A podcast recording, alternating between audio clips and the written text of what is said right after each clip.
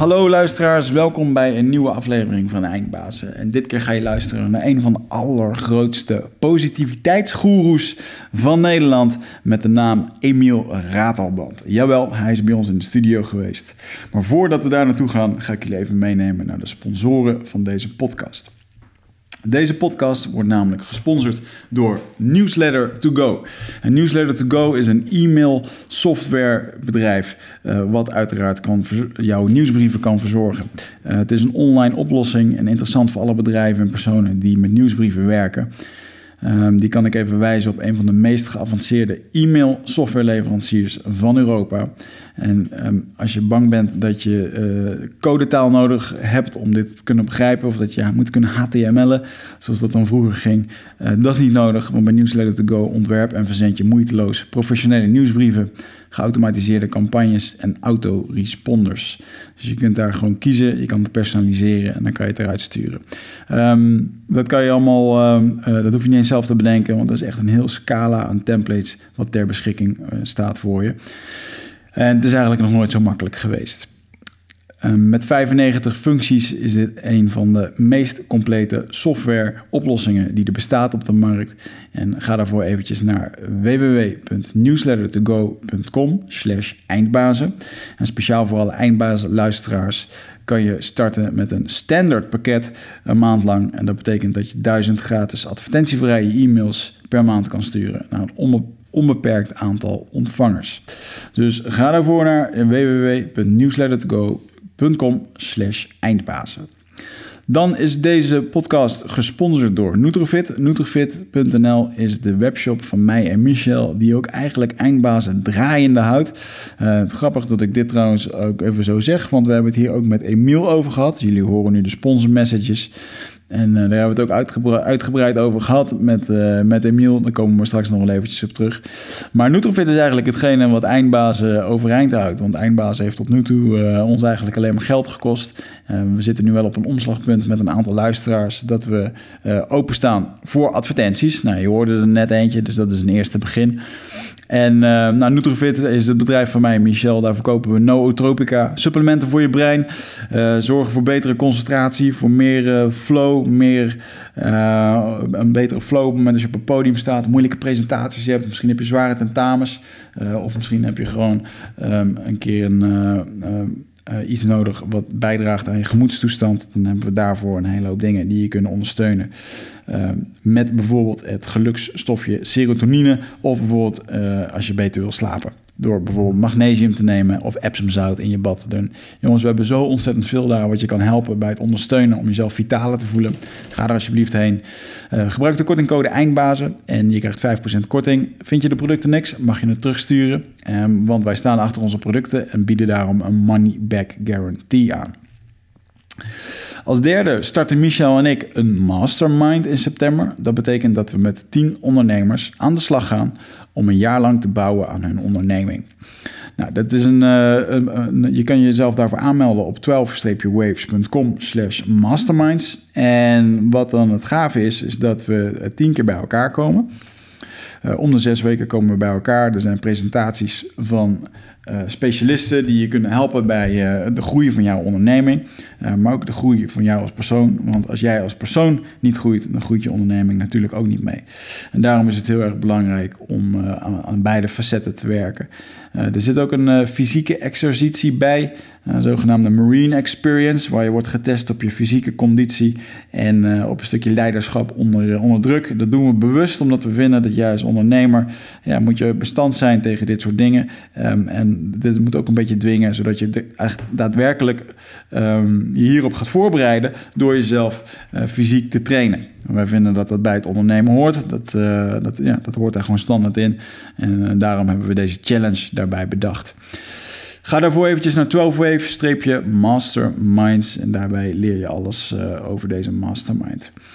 Um, heel erg gaaf, want uh, dit ligt ook heel erg dik, dicht bij het vakgebied van uh, de gast die we hebben gehad. En dat is niemand minder dan Emiel Ratelband. Um, zeker de, de, generatie van mijn leeftijd, die zal Emiel kennen als de positiviteitsgoeroe van Nederland. hij staat ook al bekend om het woord chakra, wat hij destijds gebruikte om mensen op te zwepen en te motiveren. en hij heeft dat met een hele hoop mensen kunnen doen. Hij liet mensen over kolen heen lopen. het Nederlands elftal heeft hij geholpen. bekende bedrijven à la Philips. En nog steeds wordt hij heel erg veel gevraagd. Hij is op dit moment 69 jaar. Maar heeft nog steeds een onwijze drive en een ambitie om allerlei dingen te manifesteren. En ehm, we hebben het met hem over heel erg veel verschillende facetten gehad. En wat heel veel mensen niet weten, en, en dat vond ik wel een van de mooiste anekdotes die hij hier gaf, is dat Emiel ehm, in de leer is geweest bij niemand minder dan Tony Robbins.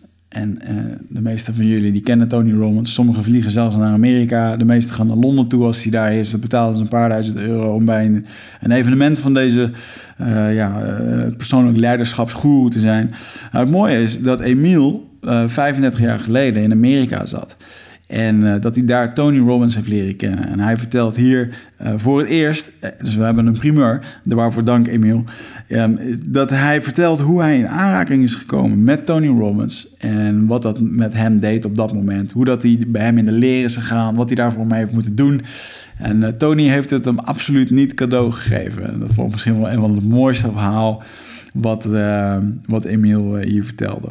Nou, Emiel zijn uh, carrière is heel erg bewogen. Um, het, vaak ook in het nieuws geweest en in de media geweest. En eigenlijk komt alles hier wel in, aan bod. We horen hem ook over zijn laatste expeditie... waarbij hij een spirituele reis naar Thailand heeft mogen maken... en ook mooi inzicht heeft gekregen voor zichzelf.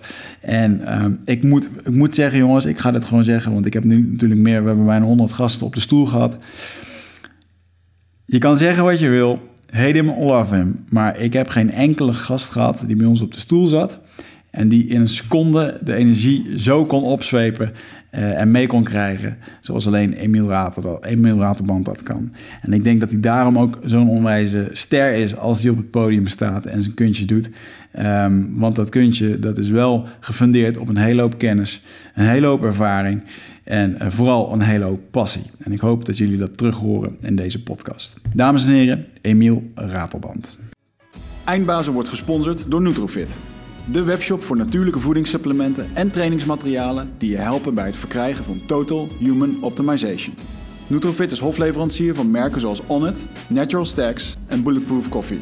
Probeer onze producten zonder risico door onze money back guarantee. Bezoek ons op www.nutrofit.nl. Bestel je voor 9 uur s avonds dan zorgen wij dat jouw bestelling de volgende dag geleverd wordt.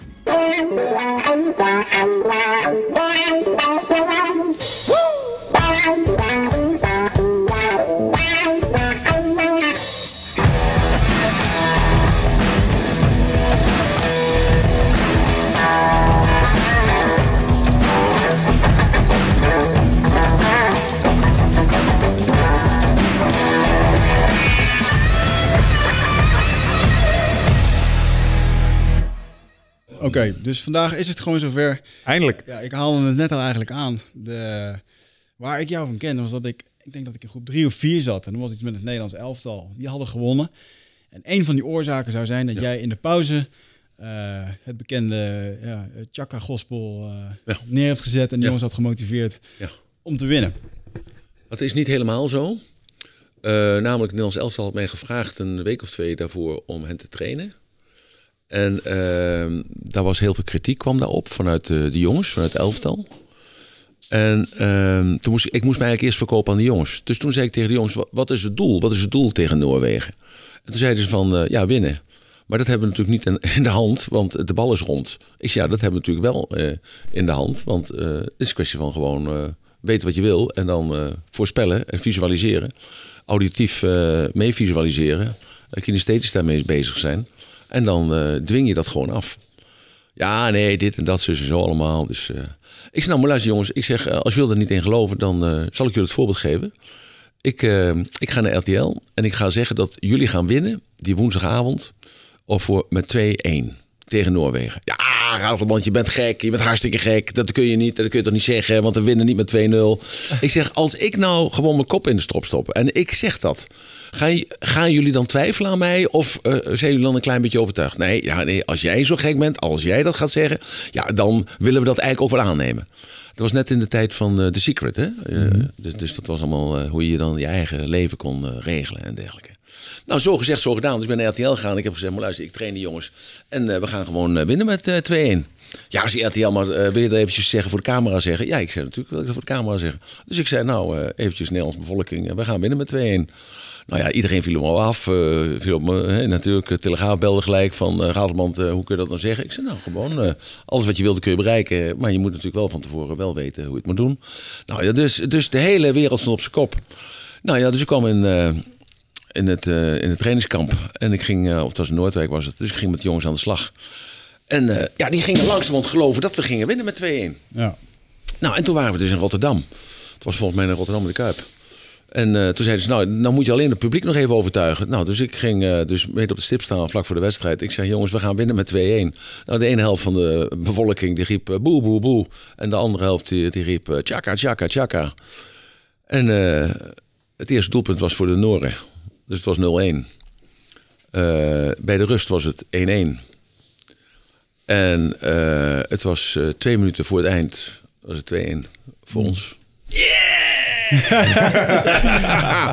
en, eh, maar het, het, het vreemde, het, het, het heeft mij altijd bevreemd. Kijk, het, het is helemaal geen prestatie, want zo werkt het natuurlijk in het leven. Maar wat mij zo bevreemde was dat al die mensen die de Secret hadden gelezen, die dus nu zagen dat het zo werkte, dat waren de grootste critici. En dat heeft mij tot op de dag van verbaasd. Dat, dat, dat mensen die die boeken lezen, mensen die dus daarmee bezig zijn, dat als ze het dus werkelijk zien dat het gebeurt in de praktijk, dat ze dan twijfelen. Ja. Want dat is ook eh, de tegenstanders van de NLP eigenlijk als het ware. Dus die NLP geleerd hebben, zijn vergeten dat Ratelband NLP naar Nederland heeft gebracht in 1986. is geen verdienste, maar het mag toch best even ook een keer gezegd worden.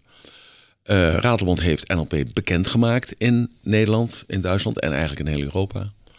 Eh, ik hoef er niet de credit voor hebben, maar ik hoef ook niet afgezekerd te worden door de, beleid, de, de, de mensen die NLP aanhangen. Stel je Maar- luistert hier naar en je weet niet wat NLP is. Wat is NLP? NLP staat voor Neuro Linguistic Programming.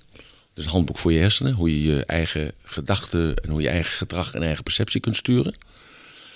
En eh, dat juist die mensen. Want Radelband heeft één ding gedaan. Radelband heeft juist laten zien dat NLP functioneert. Dat heeft hij een televisieprogramma voor gehad. Deze een Duitsland televisieprogramma heeft hij daarvoor gehad. En die heeft mensen laten zien met NLP kun je jezelf meesteren en kun je jezelf je omgeving meesteren. Dat heeft Radelband gedaan. En juist de mensen die NLP studeren, want dat zijn er langzamerhand miljoenen geweest, die haten Radelband omdat die NLP zo gepopulariseerd heeft als een goedkoop, makkelijk spelletje. Ja, het is ook gewoon heel makkelijk. Ja. Het hoeft ook geen, niet veel geld te kosten natuurlijk. Nou, dat wil ik even zeggen. Ja, maar heb jij er een eh, vorm van entertainment aangegeven die een hele hoop van die trainers veel te serieus nemen en daardoor eh, het succes mislopen? Ja, het, het, eh, ik heb ontwikkeld, want dat is ook een verhaal. Alles heeft een verhaal natuurlijk. Hè? Ik heb er entertainment van gemaakt. Want ik, namelijk, mensen hebben allemaal 24 uur per dag beschikbaar. Jij ook, je vrouw, je moeder, je zuster, je dochter, je kind. Alleen, heel veel mensen geloven dat ze tien uur moeten slapen. Of eh, moeten rusten. Of dat ze maar zes uur bezig kunnen zijn. Of dat hun activiteit maar vier uur is. En daarna zijn ze dus op. En ik heb gezegd, maar luisteren. Ik geef mijn kennis binnen deze 24 uur geef ik aan u. En eh, omdat natuurlijk vaak de aandachtsboog heel kort is, heb ik een metho- methodiek ontwikkeld dat elke 12 minuten, om de 12 minuten, gebeurt er dus iets wat de aandacht afleidt en wat dus ervoor zorgt dat je weer fris in je hoofd zit en hup, dat je weer bezig gaat. En dus begon ik s'morgens om 10 uur tot de volgende morgen 4 uur. Aan één stuk door. Zonder pauze. Alleen om de 12 minuten. Een grapje, een golletje, een massage. Even zingen, even klappen. een eh, even vuur lopen. Even in het glas springen. Even met de slangen bezig. Of met een schorpioen bezig. Maar de televisie kwam erbij. En iedereen die zag alleen maar die slang. Of die schorpioen. Of dat vuur lopen. Of, of dat gras springen. Of dat dansen. Of de mensen elkaar rare bekken trekken. Of op de stoel staan en, Ja, en rare ja, dingen ja, doen. Zo, dus, eh, en daardoor, maar daardoor juist, ik was gewoon een soort grote kleuterjuf. Want zo, moet je, want zo krijg je namelijk, in de kleuterschool krijg je ook les. Ja. Want je leert niet eh één en dan twee en eh, nee, één en twee en drie en A, A, B, B, C, C, T. Ja, en zo leer je dat gewoon. Dus, gaat, dus bewust en onbewust bij elkaar. Dus ik heb dus er entertainment van gemaakt. En de mensen dachten van die Raadman is een showman. En die Raadman is helemaal geen serieuze vent. Dus, dus daar kun je ook geen linguistic programma van leren. Zo, dat, nou, en dat vooroordeel, dat, eh, Dat hebben heel veel mensen nog steeds. Alleen mensen die goed kijken en mensen die goed waarnemen, luisteren ook, die hebben natuurlijk al lang gehoord dat Ratelband niet alleen Chaka kan roepen, maar dat hij veel meer dingen kan als, eh, als dat het lijkt aan de buitenkant. En daarom ben ik uitgenodigd door jullie. Ja. En eh, hartstikke leuk, dankjewel. Graag gedaan. En dankjewel die luisteraars dat jullie kijken. En dat jullie Twee uur lang luisteren. luisteren. Ja. En twee uur lang, dus eh, af, en toe even opstaan en af en toe eventjes eh, denken van... hé, hey, wat, wat gaat er gebeuren? En eh, even gewoon even andere dingen doen. Ja, je- Ik verwacht dat- nu om de 12 minuten iets bijzonders. Hè? Dat je. Maar dat is wel heel divers. Want als ik denk aan Emiel Raterband, ja, dan eh, ik heb je natuurlijk, eh, laat ik het wel zeggen, ik heb je 35 jaar lang meegemaakt, want zo oud ben ik. Ja, En eh, eh, ik denk dat Ja. we verschillende dingen van je hebben mogen zien. ja. En ehm, als je nou kijkt naar hoe, hoe zou je jouw carrière beschrijven? Ben je er blij mee? Ben je er trots op? Is het goed? Is het? eh, Nou, het, het dan? leidt tot iets. Het leidt tot iets. Ehm, ik had toevallig een, een, een interviewtje met de Panorama een eh, maand geleden. gezien ja. En ehm, toen zei de interviewer tegen mij van... eh, hij zegt, eh, eh, ik heb jou geïnterviewd eh, vijf jaar geleden, zes jaar geleden. En, en daarvoor nog eens een keer zes jaar daarvoor. En een keer daarvoor, zes jaar daarvoor ook nog een keer. Ik zei, nou, dan was je wel een broekje. Ja, zit in, want ik ben begonnen dus op de journalist, dus de, journalistieke opleiding. Heb ik hem gevraagd of ik jou een eh, interview af mocht nemen. Dat mocht. Hij zegt, en elke keer heb jij gezegd... Het succes is niet nu. Hij zegt, eh, is dat nog steeds zo? Ik zeg, het werkelijke succes gaat nu beginnen. En al die tijd, al die jaren zijn nodig geweest om nu op die plek te komen waar ik nu ben. En nu gaat het werkelijk, het grote succes gaat nu komen. En wat is het grote succes? Is dat iets wat jij, want in de NLP-gedachte, is Ja. dit iets waar je van droomde? Is dit iets wat, wat je nu gaat neerzetten? eh, als kind zijnde wilde ik altijd priester worden. Eh, toen ik 14 was, eh, toen hoorde ik van het celibaat. Toen dacht ik, dat is niks voor mij. Dus uh, twa- eerste twaalf minuten zijn voorbij. Dus het celibaat, dus eh, niks voor mij. Alleen nu ben ik eh, aan het eind van mijn dagen, hè, in de herfst van mijn leven. En ik word nu eigenlijk een soort priester, eigenlijk.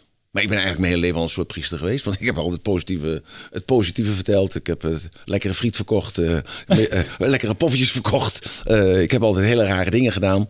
En ik eh, ben eigenlijk een, hele moderne man. Want vandaag de dag, wie berg, wij blijft er nog 50, 60 jaar bij dezelfde baas met dezelfde job. Iedereen die doet eh, job eh, switching.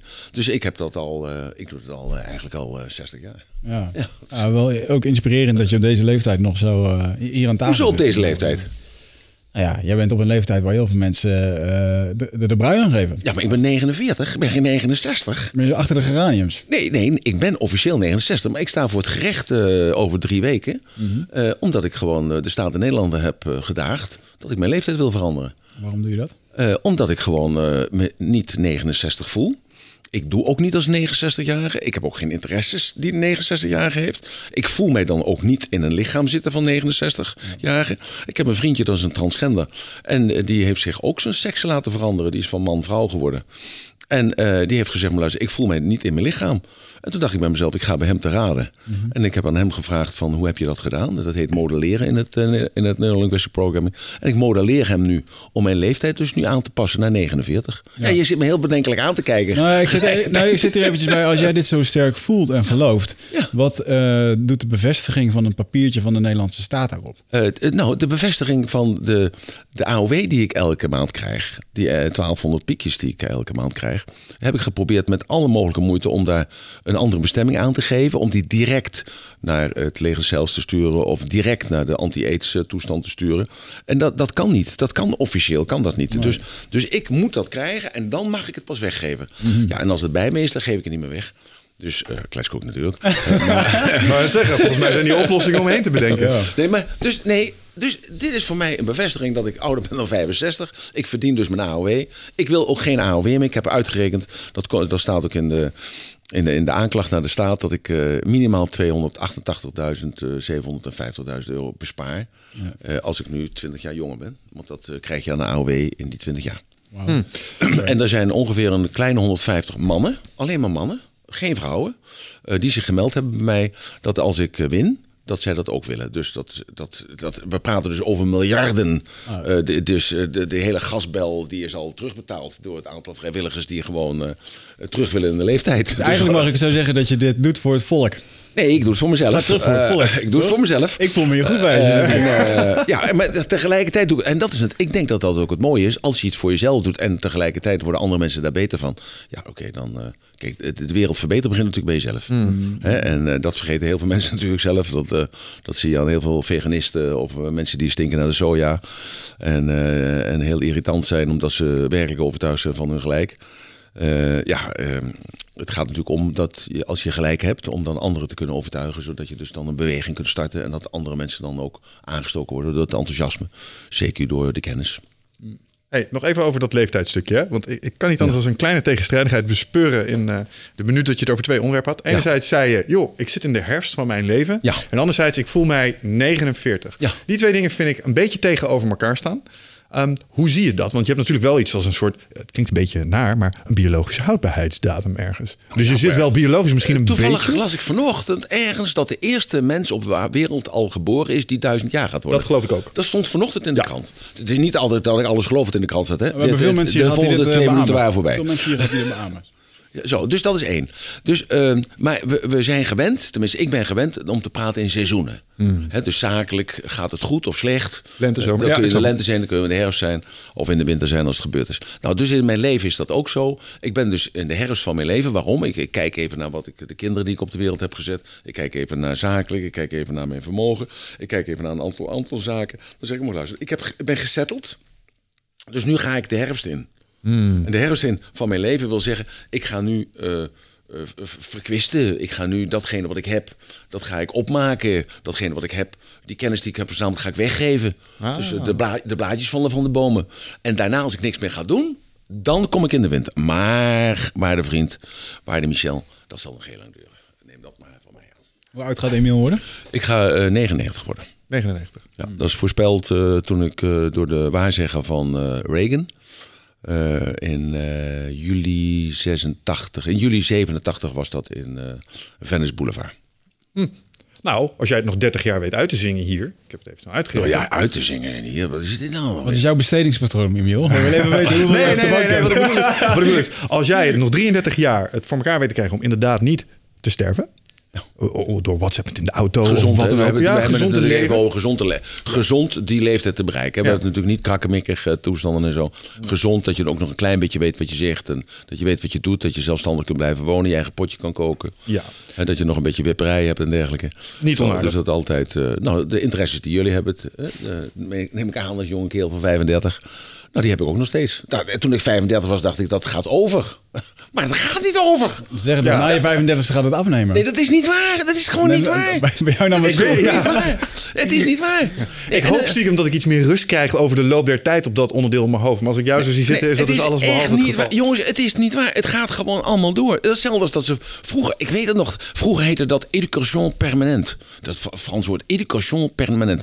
Dus dat je je hele leven door moest blijven leren. Ik wist op 13-jarige leeftijd niet zo hoe snel mogelijk ik van die school afging. En toen hoorde ik dat ik moest de hele leven moest ik door blijven leren. Ja, nou, en dat is, het is ook zo. Je, Ja. je blijft gewoon, je moet niet door blijven leren. Je mag door blijven leren. En blijf dat nou maar, luisteraars, luisteraars. Blijf dat nou maar. Want daardoor blijf je fit en blijf je, je brein blijft bezig. Het is net als met je spier. Daarboven in je hoofd is één grote spier. Daar beneden is het één grote spier. Bezig houden, laten vloeien die sappen. En dan, gewoon, dan sta je erin. Ja, dat is Het niet alleen leven leiden, ja. Maar dat is gewoon ook allerlei andere vochten, andere sappen. Ja. De derde 12,5 minuten waren voorbij. Zo. Ik vind het mooi. Maar het punt dat ik probeerde te maken was, eh, want je had het erover, de, de eerste mens die duizend wordt, die is waarschijnlijk al Is geboren. al geboren, ja. Jij en ik komen waarschijnlijk binnen nu in 30 jaar misschien ook nog wel eens in aanmerking voor allerlei technologieën die bijvoorbeeld jou ook vele malen ouder zouden Ja. kunnen maken. Misschien Ja, wel ja, als ja. die 99. Ja, ja, ja. Volg je dat soort ontwikkelingen een beetje? Daar heb ik toevallig ook een artikel over gelezen. Eh, d- dat daar iemand aan gestorven was, want die had iets eh, ingenomen.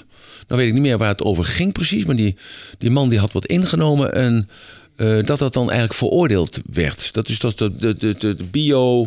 eh, eh, de, speciaal naam, ben de naam kwijt. Er was een mooie foto met een, eh, met een, met een, met een gebit en daarin zat een soort beugel omheen of zo. Ik ben nogal tamelijk visueel daarin. En eh, ja, ik, kijk, wat is het verschil tussen een kroon of een, eh, eh, hoe heet zo'n ding, was het een implantaat? Eh, ja, wat is het verschil tussen botox en eh, je haarvernieuwing? ehm, ja, wat is geaccepteerd en wat is niet geaccepteerd. Dus dat is gewoon cultuurgebonden. Ja. Langzaam maar zeker glij je daar vanzelf in. Als er nu al eh, kinderen zijn van 13, 14 jaar die hun eh, billen op laten spuiten. Ja. Eh, in Brazilië is het al heel normaal dat als je een kindje van een meisje van 13, 14 bent, dat je je borsten op laat peppen en dergelijke. Ja, wie ben ik om te zeggen eh, dat is goed of is fout? Hm. Maar zou je er gebruik van maken als de optie zich zou aanreiken? Of zou je dan toch krampachtig aan die 99 vasthouden? Eh, nee, want als ik nou een pacemaker nodig zou mogen hebben, moeten hebben. Wat is het verschil tussen een pacemaker of een, een verse, verse nier?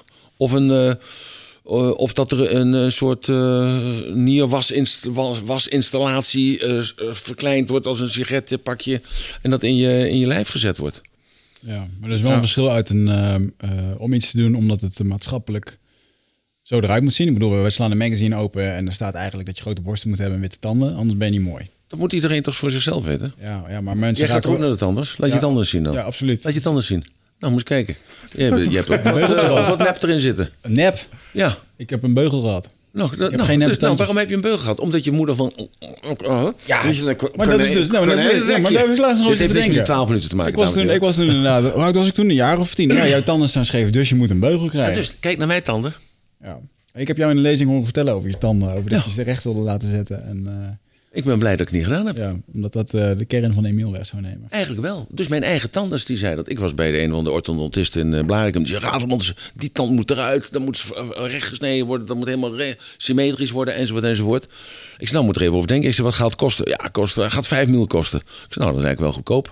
Dus eh, ik zeg, maar ik moet er even 24 uur over nadenken. Dat heb ik van een andere vriend geleerd, omdat ik tamelijk impulsief ben. En altijd eh, meteen een beslissing nam.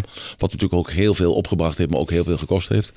Dus ik dacht, nou, ik ga even naar mijn eigen tandarts toe. En die zei, eh, Ratelband, kijk nou eens even in de spiegel. Wie ben jij nou? Ik zei, ja, ik ben Ratelband. Ja, en, en jouw mond dan? Dus roep eens tjaka. Nou, tjaka!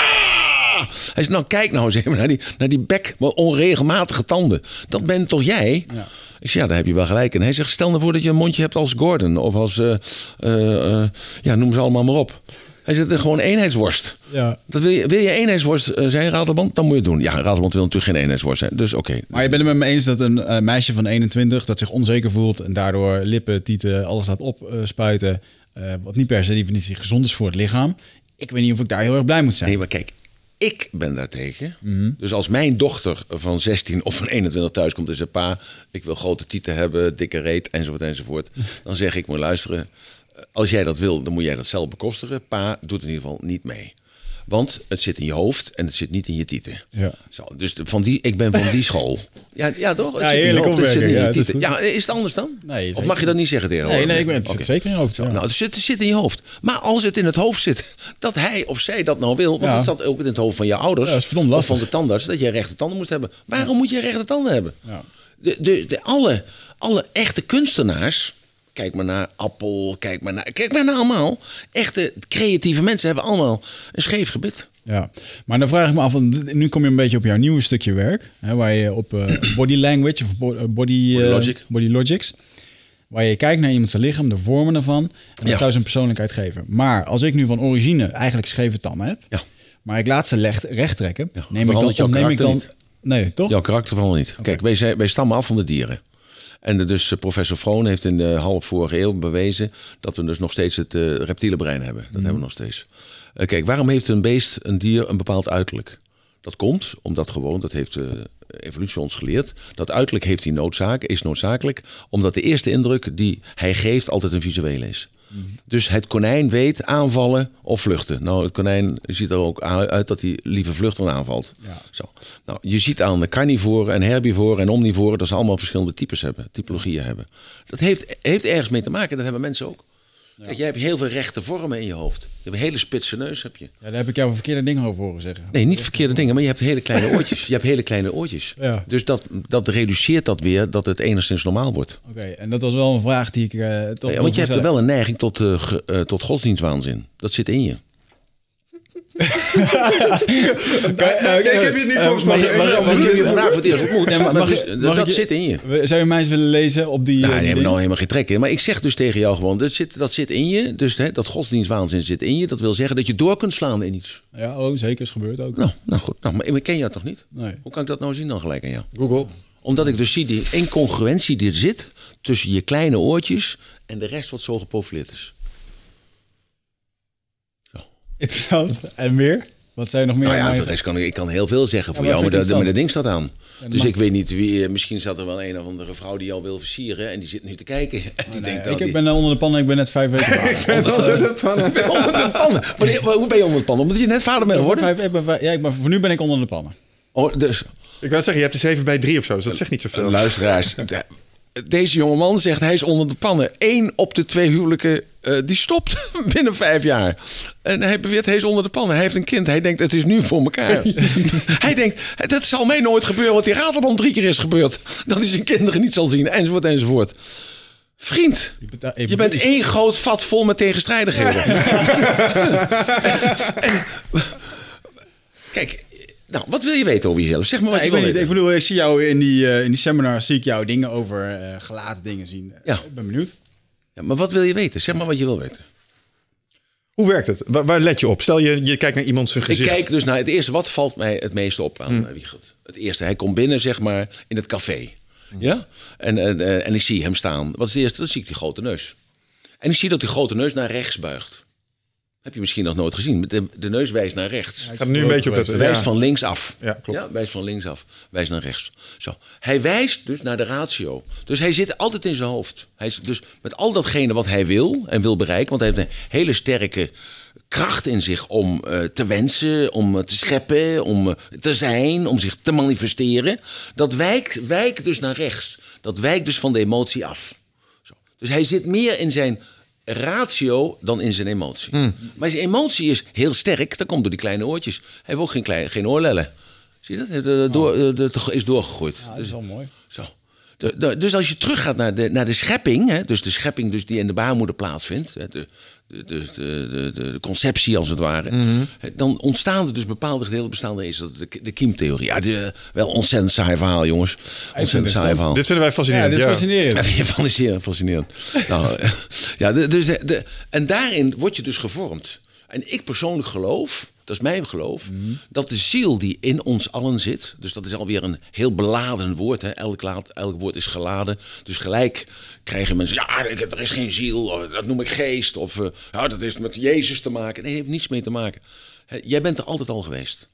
Eh, Dus de ziel, die komt niet op deze wereld om te leren, want de ziel is alwetend. De ziel komt hier om iets te beleven. Die komt hier iets om te beleven. En om dat te kunnen beleven wat hij noodzakelijk vindt, of het noodzakelijk vindt, of zij noodzakelijk vindt, die ziel die dat noodzakelijk vindt om dat te beleven, heeft hij een speciaal uiterlijk nodig. Want met dat uiterlijk creëert hij de reactie van de omgeving. Want mensen reageren, you never get a second chance to make the first impression. Maar de eerste, de eerste impuls die je geeft aan mensen is visueel. Ze kijken naar jou. Op dat moment neemt iemand iemand een beslissing. Ik val aan of ik vlucht. Ik ga met je communiceren of ik weiger elke communicatie met jou. Dat doet iemand onbewust in de eerste nanosecondes dat hij jou ziet. Als je de body logic begrijpt, dan ga je dus zien wat triggert mij nou eigenlijk. Wat stoot mij nou af? Een goede verkoper heeft altijd ronde vormen. Want ronde vormen trekken samen en trekken je naar hem toe. Een heilige man, jij neigt ook naar een heiligheid. Dat zit ook in je. Dus spiritueel ben jij ook daarmee bezig. Het heeft een langwerpig gelaat en een soort eivormig. Kijk naar de afbeeldingen van Jezus.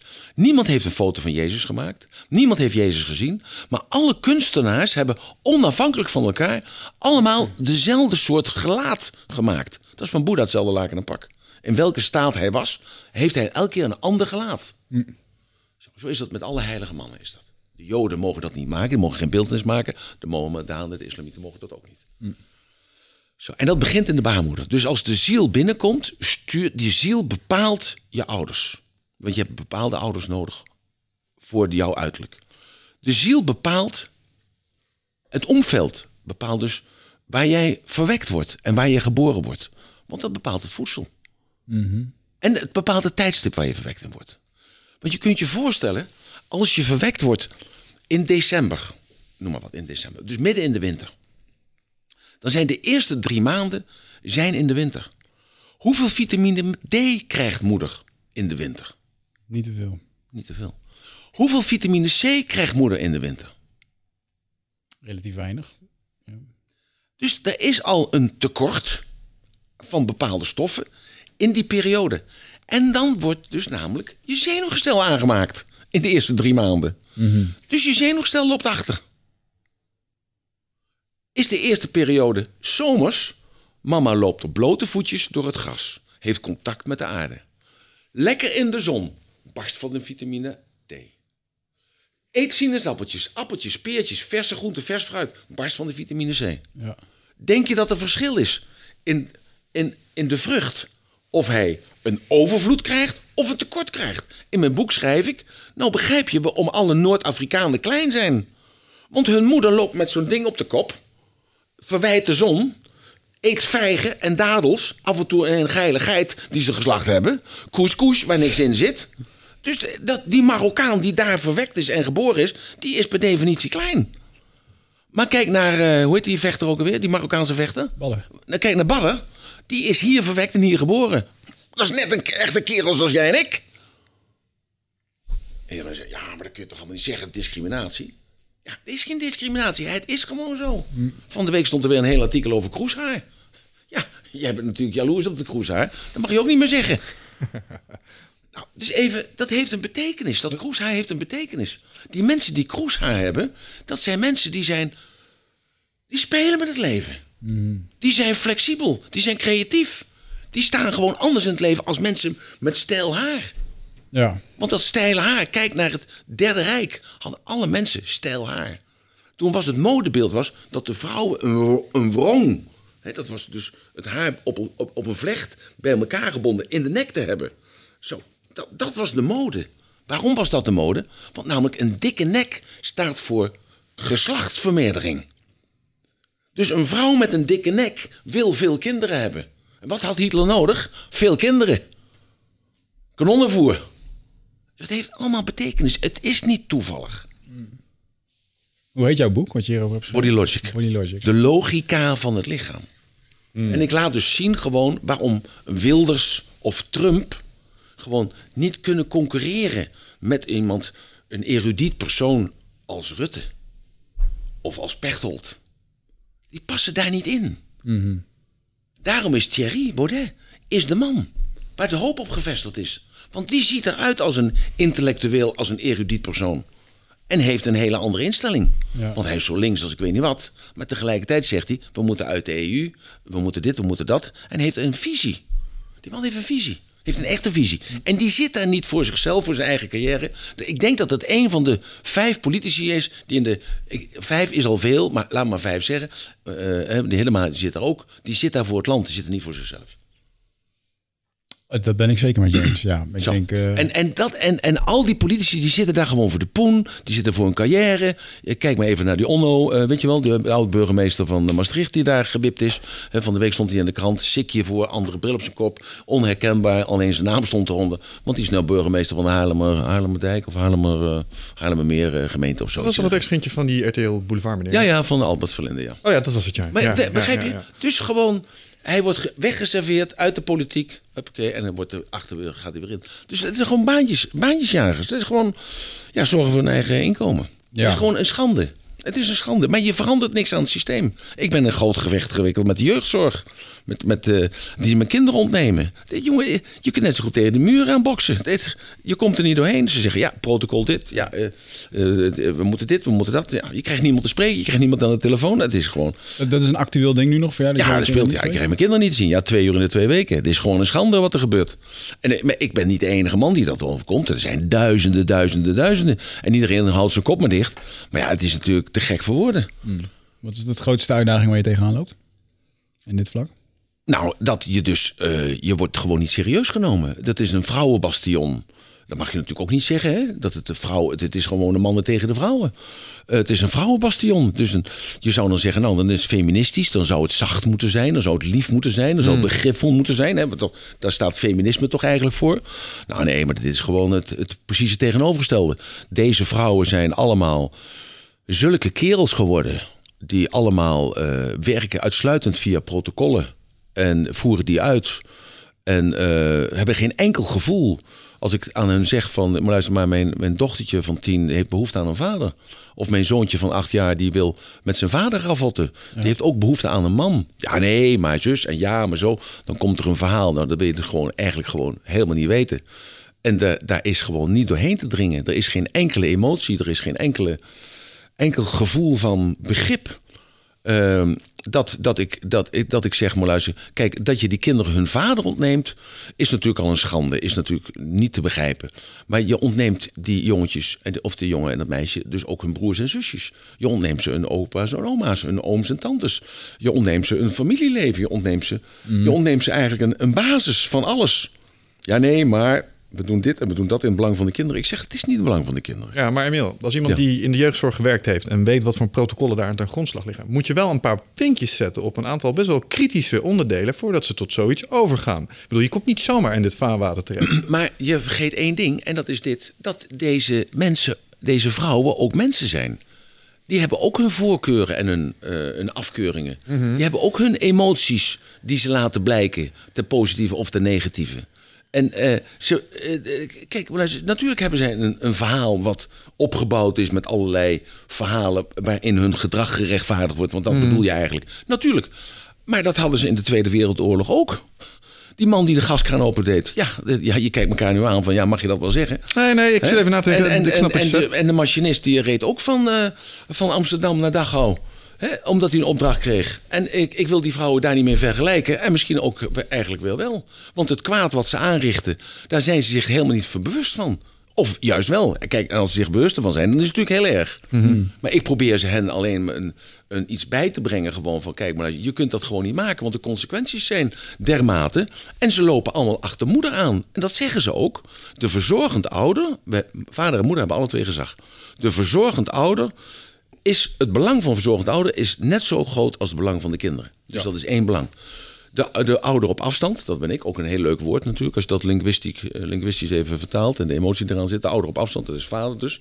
En dat is in 99% van de gevallen is dat de vader. Die is eigenlijk niet belangrijk. Die staat altijd onderaan de ladder.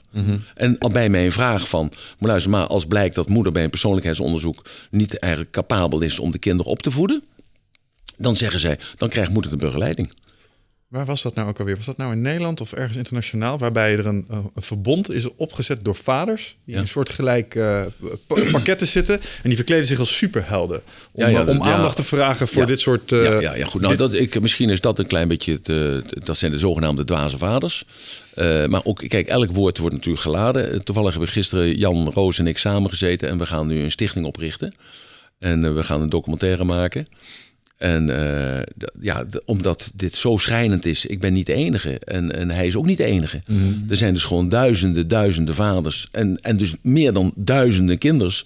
Waar hun vader dus wordt onthouden. Ook moeders hoor, maar dat is maar misschien 2 of 3 procent. En Waar zit het stukje, ehm, hoe- hoe zou dit wel gerechtig kunnen zijn? Want er is wel een oorzaak waardoor dit zo is gekomen. Nou, er moet eerst een, een sociale. eh, een sociaal bewustzijn moet er gecreëerd worden. Hè. Jullie kennen natuurlijk allemaal het, eh, het leerproces, hè. onbewust onbekwaam. Hè. Dus eh, mensen weten niet dat het bestaat, of de mensen kennen dus niet wat ze moeten doen. Nou, dus er moet eerst eh, ja, bekwaam worden en horen en zien en beleven dat, dat er zoiets bestaat. En dat kan jou morgen ook overkomen. Dus je moet, ik, hoop het nooit, want ik, ik heb geen vijanden, maar ik zou het mijn ergste vijand niet toewensen. Dat je in zo'n systeem, want je komt in een systeem terecht. Ja, En dat systeem, dat, is dus, dat draait gewoon door. Dus, als het, dus eigenlijk ehm, ehm, komt dit systeem een te- eigenlijk tekort aan een stuk vergiffenis of een stuk uh, Ja, Als je leert van je fouten. Om, exact, want er wordt gewoon gezegd, gewoon, eh, ja, dat, dat, eh, ik heb bijvoorbeeld heb ik gezegd, kijk nou eens even, jullie hebben het altijd over het verleden, hè? Eh, dus kijk dan eens eventjes naar mijn kinderen.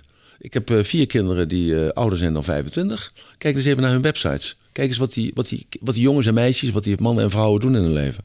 Als ik nou werkelijk zo'n slechte vader zou zijn, eh, zo wat die moeder dan zegt, beweert te zijn dat ik ben, dan kijk dan even naar die vier kinderen. Dan zie je dat die vier kinderen dus meer dan buitengewoon goed terechtgekomen zijn. Alle vier, hè? Alle vier. Meer dan buitengewoon goed terechtgekomen zijn. Niet alleen op economisch gebied, maar ook op relationeel gebied. Hè? En ook op sociaal gebied. En ook op emotioneel gebied. Meer dan buitengewoon goed terecht zijn gekomen. Nou, daar wordt gewoon aan voorbij gegaan. Ja, wa- wat zeggen jouw kinderen hiervan? Hebben die daar inspraak in of niet op dit verhaal? Je bedoelt de kleine kinderen? Ja, ja, de- ja die zijn pas kiezen, toch? 9 en 10, hè?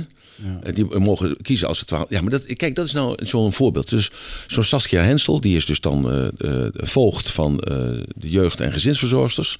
Verzorgers. Ehm, die, die stelt dus gewoon. Moet luisteren.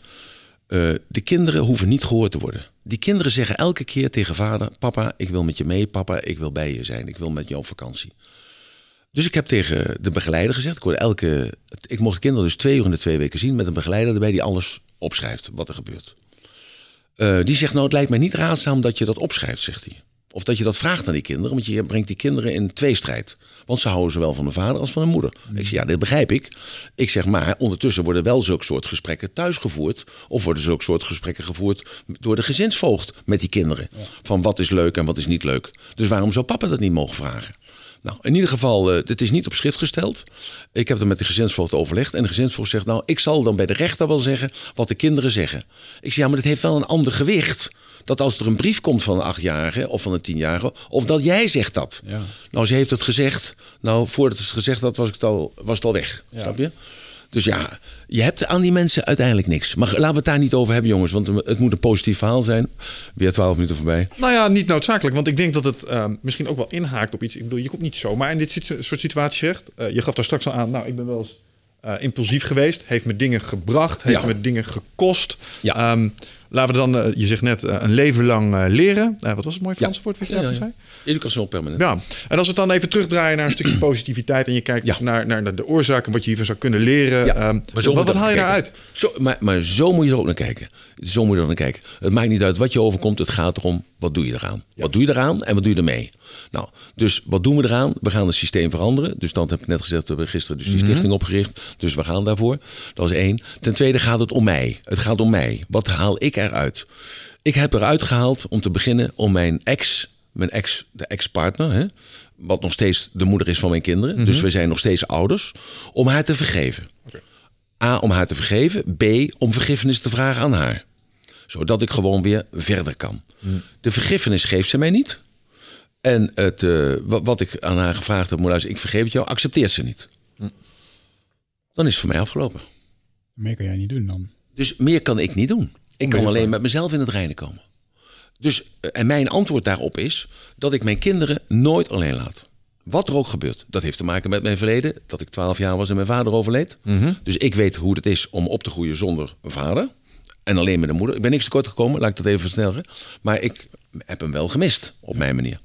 Dus ik heb mij voorgenomen om mijn kinderen op te voeden met een vader en een moeder.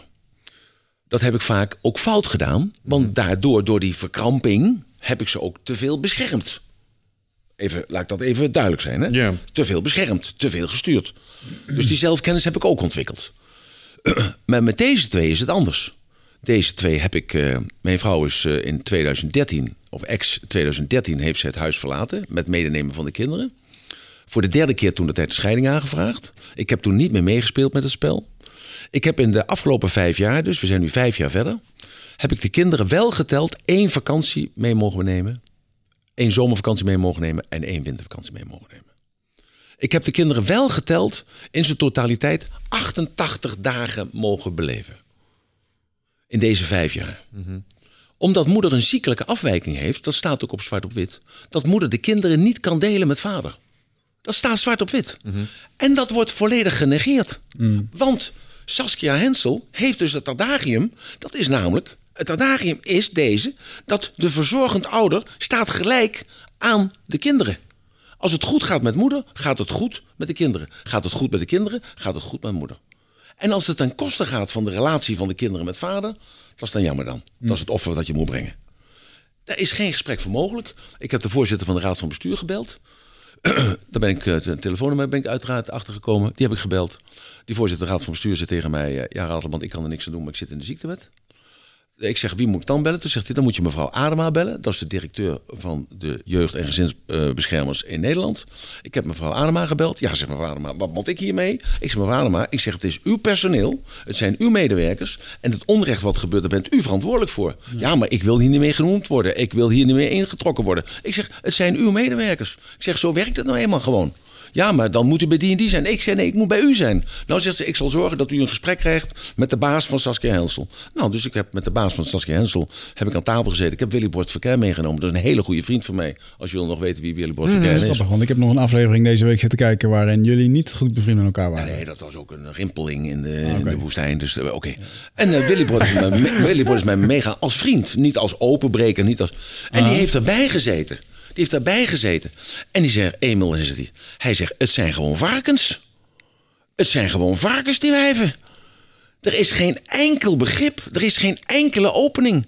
Er, het zijn varkens. Dat woord heeft hij gewoon gebruikt. Ja, maar als we dan even teruggaan naar het begin van dit verhaal, waarbij je zei: je komt dit leven in, hè, te- Ja. terug naar, met een bepale les die Ja. je zelf, eh, of niet zo om iets te ervaren. Ja, Om iets te ervaren. Ja, Niet dus om je- les te leren, want de ziel is alwetend. Ja, oké. Dus de ziel was alwetend toen het hier aan begon. Dus Ja. ergens heb jij er ook voor gekozen om dit Tuurlijk. mee te gaan maken. Tuurlijk. Ja. En De als ik dan kijk naar je meest recente ontwikkeling, en ik hoor je praten over je ex, en ik, ik tap even in mijn, wat ik dan weet over de Boeddha en dat soort dingen. Ja. Hè? Allerlei, allerlei komt willen Ja. en het niet loslaten. Ehm, wat is er voor nodig voor jou om dit? Want als, als ik je erover hoor spreken, het is duidelijk, hier zit, eh, hier zit vuur achter. Ik snap dat, het gaat om liefde voor kinderen. Maar toch, de kinderen, hè? als je dit zou moeten laten loslaten, ik denk dat dat de enige manier is om je uit te komen. Want hoe krampachtig je erop ingaat, Ja, natuurlijk. hoe ga je dat de fixen voor jezelf? Dus als je dit aan mij zou moeten coachen, dus ik zou in deze situatie zitten. Wat zou je tegen mij zeggen nu? Eh, dan leer ik jou wat ik zelf doe.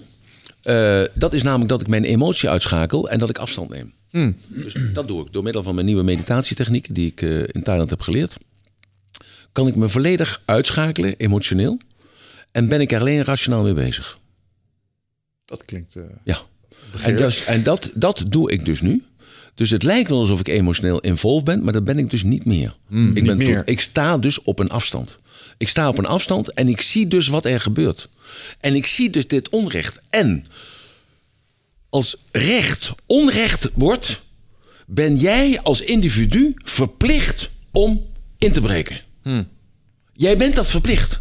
Jij bent dat verplicht. Dat is hetzelfde bij de Oostervaartse plassen.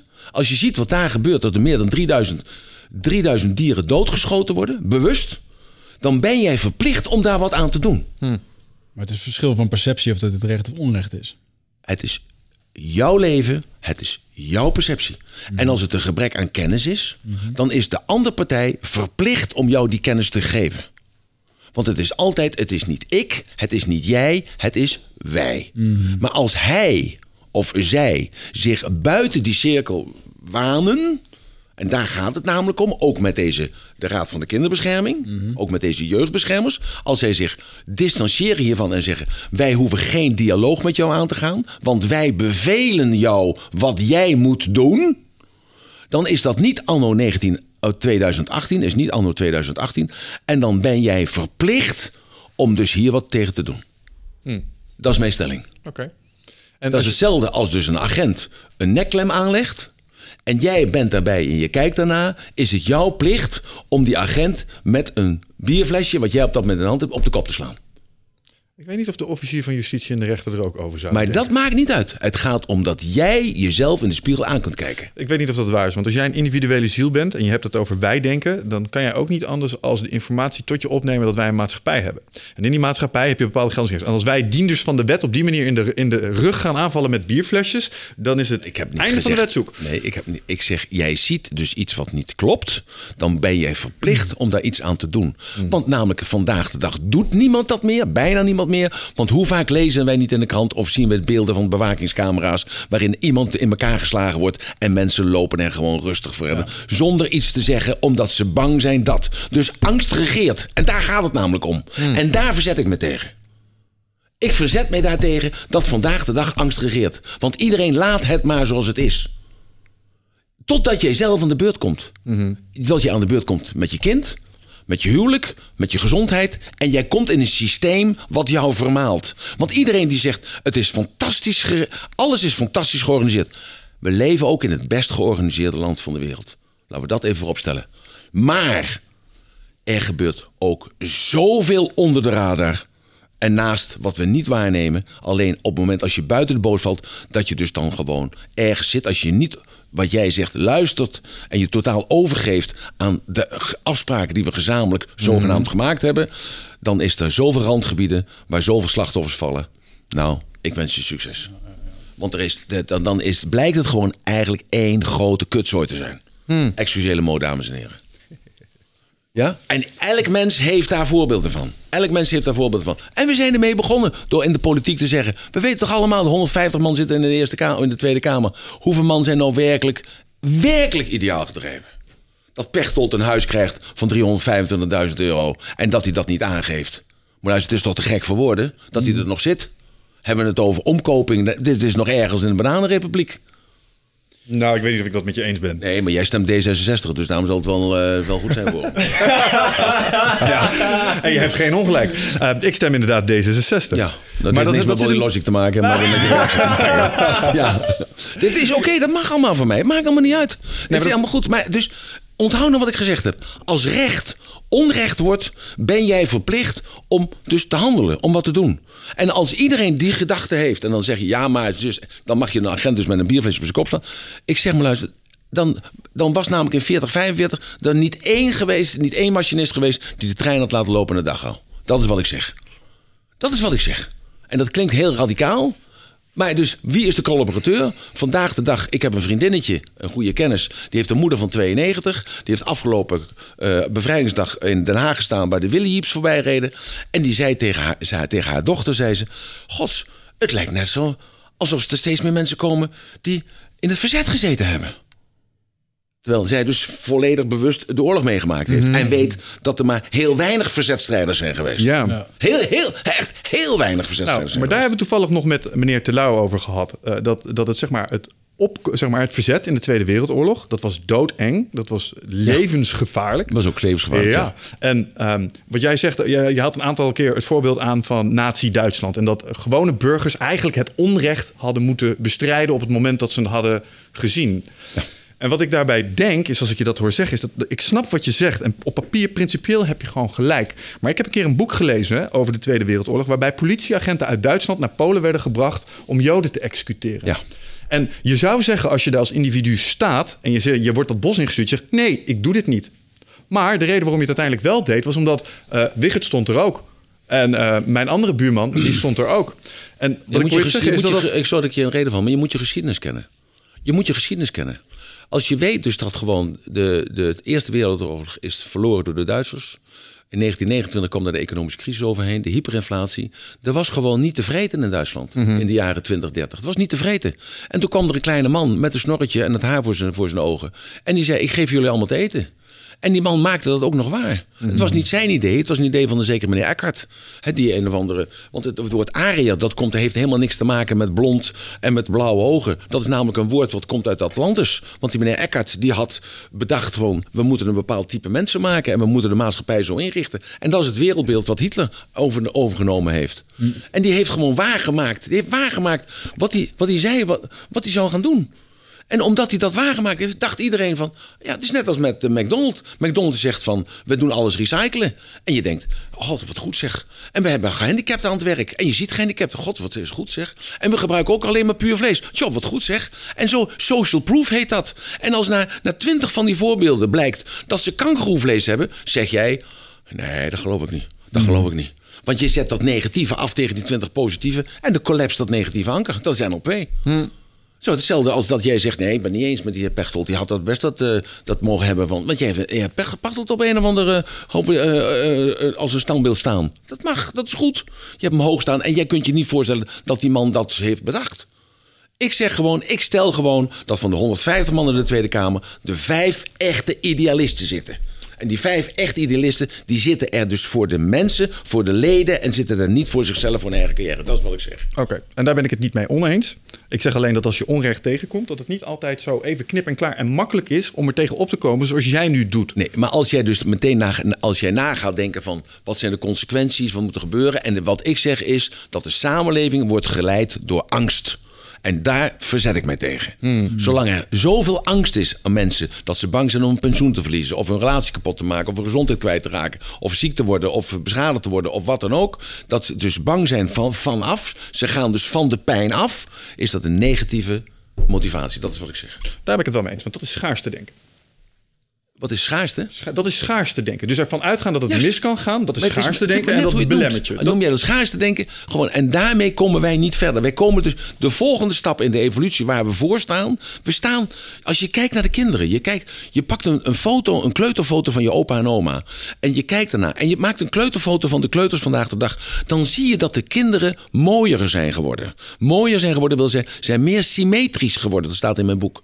Ja? Zijn meer symmetrisch geworden. Dat wil zeggen, zij zijn meer in balans dan opa en oma. Want opa en oma moesten vechten in de oorlog. Moesten vechten voor de wederopbouw. En mijn generatie na de oorlog eh, was de, de, booming, de babyboom generatie. Hebben weer een andere vorm. Omdat ze dus eigenlijk de status quo vast moesten houden. Ja. En jullie moeten het weer anders doen. Jullie hebben weer een andere vorm. Dit is waar Dick daarvoor. Swaap... Ken je Dick Swaap? Ja, je kent natuurlijk ken niks van. Ja, die hebben we hier ook gehad. En die, die zei dat inderdaad ook. Epigenetica heet dat volgens mij. Als jouw Ja. voorouders bepaalde stressprikkels hebben gehad... Ja, dan blijft dat drie generaties zitten. Ja. Dus daarom, we weten allemaal, de KZ-syndroom, concentrationslagersyndroom... dat duurt drie generaties voordat het uit het lichaam is. Dus het heeft niks met gen te maken voordat het uit het lichaam is.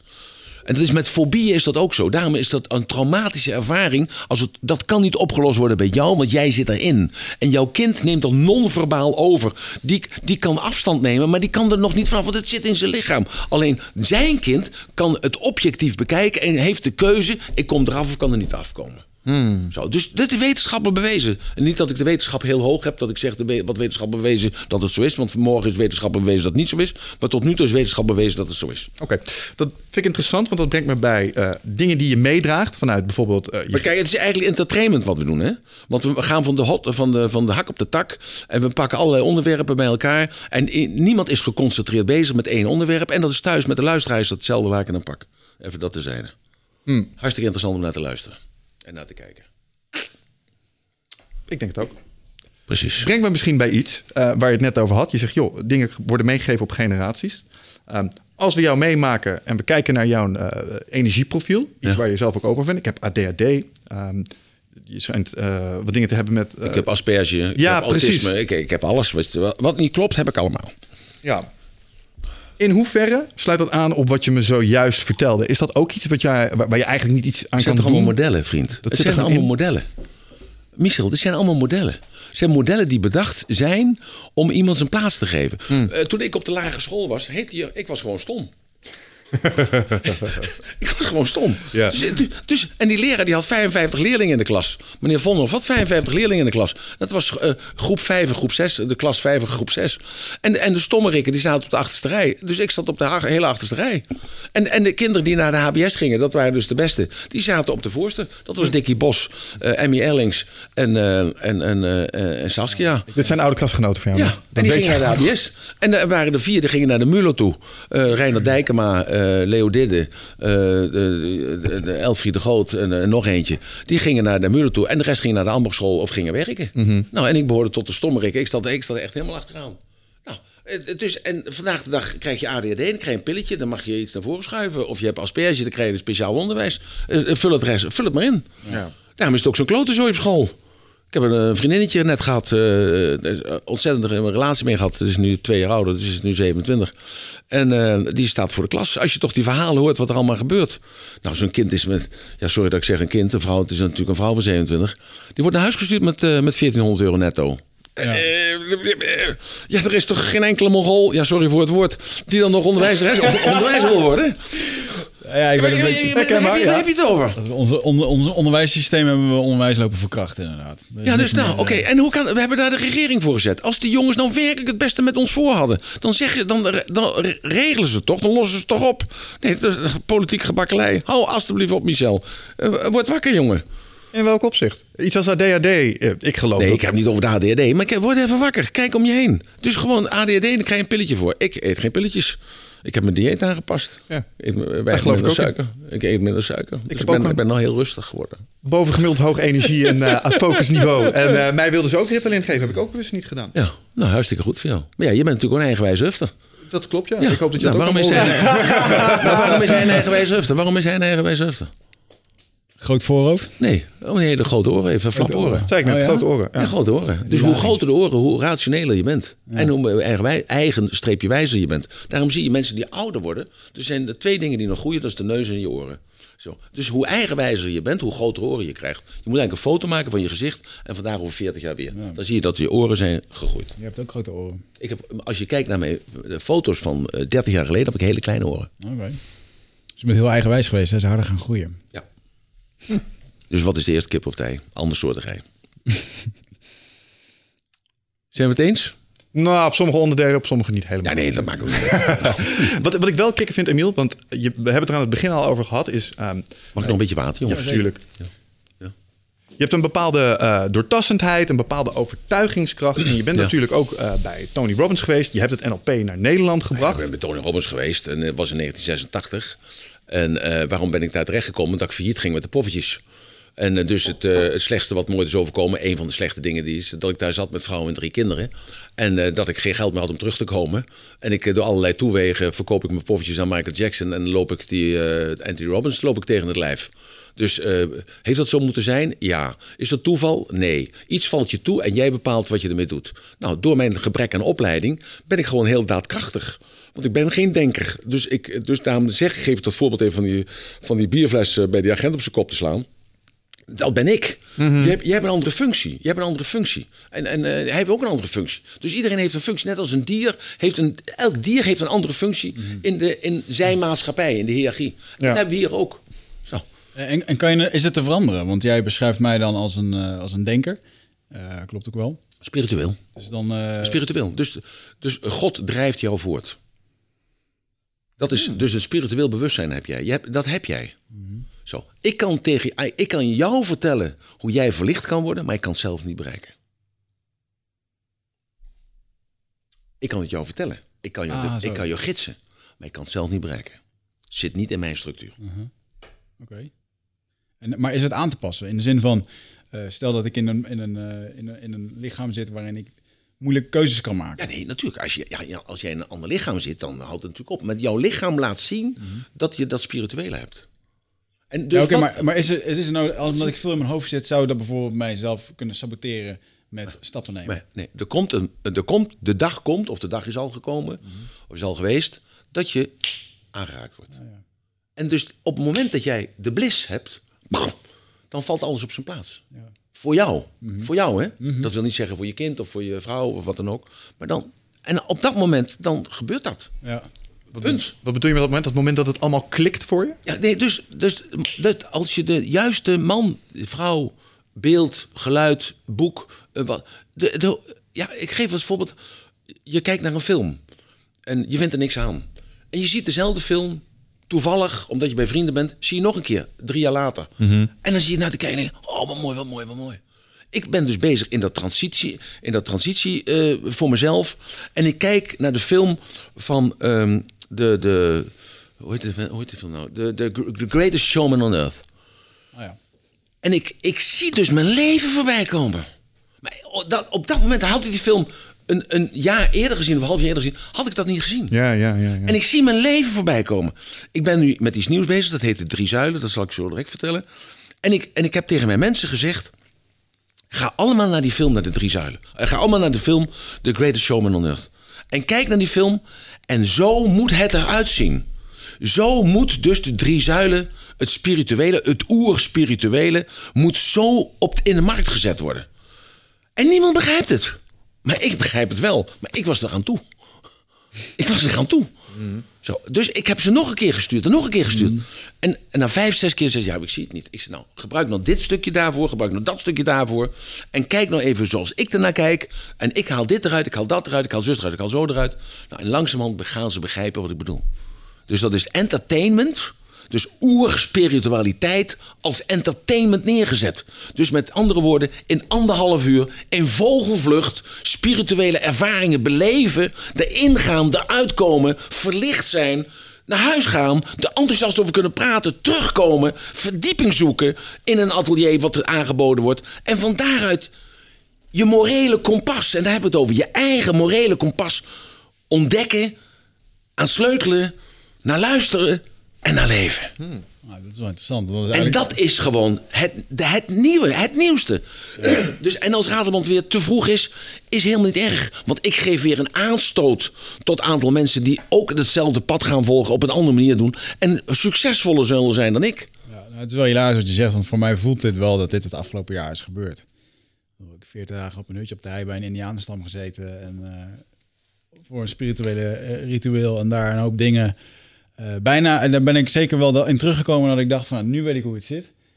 Ehm, kwam een aantal weken later achter dat het niet zo was. Ja, maar hoe meer je weet, hoe meer je tot de conclusie komt dat je niet weet. Dus je moet je overgeven. Ja, precies. Maar dat dus is de paradox. De, de, de struggle die je daar dan in vindt uh, door, ja. door verschillende inzichten, die, die komen ook net zo hard als een boemerang terug recht op je hoofd. Ja. En, uh, maar dan heb je dan de kracht voor nodig. De daadkracht om het te pakken en het om te zetten in datgene wat jij wilt. Want jij wilt dat bereiken. Dat zit in je. Gewoon. En elke weg is de juiste weg. Het is altijd goed. Het is altijd goed. En dus die tijd zijn we voorbij van dogma's, van religies. Want dat zijn gewoon instituties die gemaakt zijn door mensen... die ook alleen maar aan zichzelf dachten. Ze hadden natuurlijk in principe wel het goed voor... maar dachten ook in geld. Je moest een aflaat kopen, je moest biechten, je moest een stoel kopen... enzovoort, enzovoort. Nee, dat heeft allemaal niets mee te maken, jongen. Die tijden zijn voorbij. We zijn zoveel vrijer geworden in ons hoofd. Er zijn zoveel vrije geesten om ons heen... die allemaal zoekende zijn van... Wat, waar kan ik me aan vasthouden? Mijn ouders hebben me verlaten, die hebben recht op een eigen leven. De overheid is niet meer te vertrouwen. Die proberen je een WOZ-maatregel door de, door de neus te boren waar je het niet mee eens bent. Je krijgt een aangifte. Wie moet ik nog vertrouwen? Wie kan ik nog vertrouwen? Je vrienden gaan weg, die verlaten je. Er is niemand meer. Je huwelijk gaat kapot. Wie moet je nog vertrouwen? Er is maar één persoon die je moet vertrouwen, dat ben je zelf. Hmm. En dat is jouw morele kompas. Dus je moet je morele kompas opnieuw. Dus dat kun je niet meer eiken aan de Bijbel of aan de Koran. Dat kun je niet meer eiken aan, aan regels van, het, van de tien geboden. Je kunt het niet meer eiken aan de wetgeving van, van meneer Rutte of van meneer Pechtold of noem ze maar op. Je kunt ze niet meer eiken. Je moet ze eiken gewoon aan jezelf. Maar dit moet wel eerlijk zijn. Dus het heeft niks met, met perceptie te maken. Je moet eerlijk zijn naar jezelf. En dan kom je op een gebied en dat heet liefde, dat is licht. En dat licht, als dat licht weer gaat schijnen, jongens, dan. Als dat licht weer gaat schijnen in jezelf. Ja. Dan. Dan is het goed gewoon. Want er is geen goed of fout. Je moet het zien in het kader. Ben ik ook zo door veroordeeld dat ik zei in 2001: Osama Bin Laden is een avatar. Osama Bin Laden is een verlichte geest. Want je moet wel iemand zijn die dus gewoon de weg van God bewandelt om mensen te kunnen overtuigen. Pak die Boeing 747 en vlieg door de World Trade Center. Ja, we hebben het hier daar vaker over gehad. Daar hebben we ook wel eens wat opmerkingen over gehad. Zeg maar, we hebben het gehad over die uh, Iranese uh, piloot die toen gevangen is genomen. Ja. En, en dat wij zeiden van ja, kijk, voor ons is dat een atrocity. Maar de meneer die de aansteker erbij hield, die deed voor zijn mensen een heldendaad. Ja. En dat is zo Ja, ongelooflijk maar- moeilijk om tussen je oren te krijgen. Ik, ik, op seminars zeg ik wel eens. Het heeft op commitment te maken. Het heeft met trots te maken. Het heeft met discipline te maken. Het heeft met doorzettingsvermogen te maken. Het heeft met moed te maken. Dat als je dus ergens in gelooft om ervoor te gaan. En alleen als je dus de vuurproef moet doen. Dat je eigen kindje, je eigen baby. Ik heb het, mee, ik heb het meegemaakt, jongens. Ik zat in Vancouver in 1986. En mijn zoontje van vier jaar. Die had zweertjes tussen zijn, tussen zijn teentjes. En mijn vrouw zei, ja, ik, ik heb er alles aan gedaan. Je moet ermee naar het ziekenhuis. En ik ging naar het ziekenhuis. Ik kom met het ziekenhuis. En die vrouw die zei tegen mij aan de balie... Zei, Do you have a security, card, social security card? Ik zei, no, I don't have a social security card. He- heeft u een, een, een, een verblijfvergunning? Ik zeg, ik heb geen verblijfvergunning. Dan kan ik u niet helpen. En ze stuurde me zo de nacht weer in. Vier ziekenhuizen. Ik kwam het vijfde ziekenhuis. En ik denk, zal ik het doen, zal ik het niet doen, zal ik het doen, zal ik het niet doen. En mijn grote stem in mijn hoofd zei, het heeft toch geen zin, het heeft toch geen zin. En mijn eigen wijze stem zei, je moet gewoon doen. En ik kom binnen, jongens. En ik, ik zei tegen die zuster, ik ben al bij vier, vier ziekenhuizen geweest. Ik zei, "Ja, mijn zoontje heeft zo'n pijn. Ik zou wel de pijn over willen nemen van, maar ik kan niet. En die vrouw zei, u hoeft niks te laten zien, ik zal u helpen. Maar luister jongens, denk je nou werkelijk dat ik ooit iemand af zal wijzen die bij me komt? Als het een vluchteling is, of het is een dakloze, of hij is, of hij is niet, helemaal niet wijs in zijn hoofd, of wat dan ook. Nooit. Ik loop nooit iemand voorbij die hulp nodig heeft. Ik loop nooit iemand voorbij die roept om, om gewoon assistentie. Nooit. Nooit. Enkel alleen maar door die ervaring. En omdat het natuurlijk in me zit natuurlijk. Vreselijk als je zoiets meemaakt. Maar die mensen voerden ook de regels uit, hè? zoals jij dan zei. Hè? Die voerden ook de regels uit. die vier eh, andere beppies aan de receptie van die vier ziekenhuizen. Ja, maar wat ik hieruit eh, doorhoor is dat er dus wel hoop is. Want er zijn mensen Ja, maar natuurlijk is de hoop. Ja, maar natuurlijk is de hoop. Natuurlijk zijn er, er zijn zoveel mensen, maar die worden miskend. Die zitten die werken op de Zuidas en die weten niet meer dat ze mens zijn. Want die doen gewoon datgene wat ze moeten doen. Hè, ze gaan naar de sportschool, ze gaan naar hun werk, eh, ze krijgen een paycheck, en ze gaan inkopen doen bij de Albert Heijn. En ze kopen biologisch eten, want dat hebben ze ergens gelezen dat het beter is. Zo, en dus, maar denken verder niet na. Denken niet na over de consequenties van hun daden. Het mooiste wat ik meegemaakt heb in het klooster, dat was de eerste ochtend. Om vier uur stonden we op. Een, drie kwartier chanten, dat was in het Pali. Ik verstond het niet, maar alleen die toon was alleen al voldoende. En toen, moesten we, toen gingen we bedelen. En we liepen met zeven monniken achter elkaar. vijf kilometer op blote voeten. Vijf kilometer via de snelweg. En het verkeer raasde ons voorbij. We kwamen in een dorpje. En, en we komen in het dorpje en daar stond een oud vrouwtje. Die stond er met een bak rijst te wachten op ons. En we kregen rijst van die vrouw. Ik keek mensen aan. Ik dacht, ik, dacht mezelf. Ik heb zin in een havermout. Ja, nee, dat dacht ik echt. En ik dacht, wat ben je toch een klootzak? Wat ben je toch een godvergetense klootzak? Dat je de pretentie nog durft te hebben... terwijl die vrouw die rijst voor jou gekookt heeft... dat je dus durft te zeggen tegen jezelf... ik wil eigenlijk havermout. En die vrouw die knielde nadat ze gegeten had, gegeven had. En ze werd gezegend door de abt die voorliep. En zo liepen we door dat dorp heen. En toen pas begreep ik dat je van geven rijker wordt dan van nemen. Mooie ervaring. Ach jongen, ik ben zo klein geworden. Ik ben zo klein geworden, kan je niet vertellen. Maar zo dankbaar dat ik daar gekomen ben. Maar je bent, je bent er twee weken geweest? Ja, ja, ja. Dat is relatief kort. Wel mooi dat het zo'n impact heeft gemaakt. Ja, ik was meteen de eerste. Vanaf het eerste moment was ik weg. En als je het verhaal hoort, gewoon hoe ik daar gekomen ben. Ik ben gewoon gegaan om een loyaliteit van een vriendje van me. Die zei: Ja, ik wil leren mediteren. Ik zei: ja, Mediteren heeft er nodig, man. Geslaagde zaken, man. Hij zei: Ja, zegt hij. Zegt: Maar die monnik, hij zegt, die kan in de toekomst zien. Ik zei: ja, Hou je er niet voor de gek houden. Hij zei: Hij kan zieken genezen. Ik zeg: Geloof toch niks, man. Ik zeg: Hij geeft stiekem aspirintje. Hij zegt, jawel, eerlijk waar, die vent is gewoon eerlijk en hij leeft daar tussen de 400 honden en hij doet dat allemaal zo voor niks, je hoeft hem niet te betalen. Ik zeg, nou, er zal heus wel een verdienmodel aan zitten. Nee, zegt hij, hij zegt, maar hij heeft alleen één voorwaarde. Ik zeg, ja, zie je wel, daar heb je het alweer. Hij zegt, ik moet eerst twee weken in een klooster zitten voordat hij mij inwijdt in de geheimen van die meditatie. Hij zegt, en ik, ik durf niet alleen te gaan. Ik zeg, nou, dan vraag je toch of een vriendje meegaat, of je vriendin. Hij zegt, ja, vrouwen mogen niet naar binnen. Ik zeg, nou, je hebt toch wel een vriendje die meegaat? Hij zegt, je weet toch hoe het is als je succesvol bent? Ik zeg, ik heb geen vrienden. Ik zeg, dus en? Hij zegt, ja, er is niemand die mee... Ik zeg, ik ga met je heen, man. Hij zegt, meen je dat? ja, natuurlijk, ga met je mee. Ja, lekker twee weken. Ik zeg, lekker even vasten, val ik ook een paar kilo af. Ik zeg, die idioot wil ik even meemaken, zeg ik dat tegen hem. Nou, ik kom aan. Ik ben woensdagavond aangekomen. Eh, dus om, om 12 uur. En s'morgens om 3 uur begon het feest. kaal geschoren. Duizend man eromheen. Op een olifant. eh, op een of ander bord eh, tillen. En ik word ingewijd. Een hele, dat duurde tot s'avonds uh, 8, 9 uur. Ja, jongen, ik was helemaal...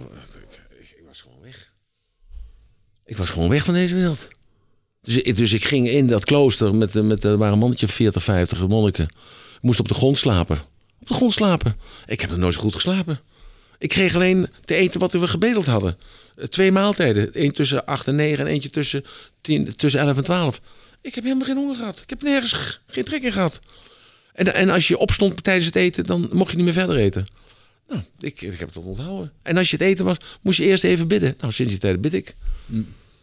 En nou, wat bid je dan? Dankbaar dat ik dit mag meemaken. Je bent niet volledig boe- boeddhist geworden of gelooft helemaal Maar ik ben helemaal geen boeddhist geworden. Nee, want boeddhisten, dat, eh, dat, dat, dat kun je wel, misschien wel worden. Maar ik, eh, ik ben geen boeddhist geworden. Ik ben gewoon, ik, ik hou me vast aan die drie zuilen.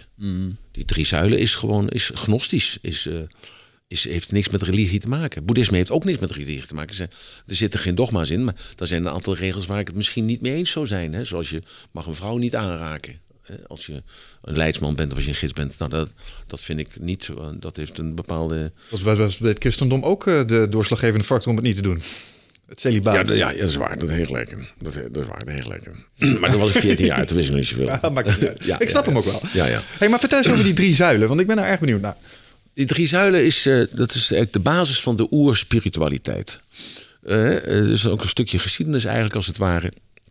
Dat heel, heel, heel vroeger eh, voordat er dus goden waren bedacht, eh, ja, waren er dus bliksemschichten en eh, verschil tussen zomer en winter. En de zon kwam op en de zon ging onder en de maan kwam op en de maan ging onder. Mensen zochten daar een verklaring voor en uiteindelijk hebben ze daar dan een, een goddelijke verklaring voor gegeven. Hè? Dus de zon, hè? Dus de, de- vele mensen denken ook dat, eh, dat Jezus eh, de, de zoon van God is, de zon van God. Hè? Maar goed, dat is iets anders. En eh, zo zijn er dus dan eigenlijk in de woestijn, tijdens, dus we praten nu 5.000, 6.000 jaar geleden, hebben de Egyptenaren, die hebben dat ook allemaal opgeschreven. En die hebben dus eh, een soort godsdienst bedacht, wat eerst een, eh, een één godsdienst was, een mono, eh, godsdienst was.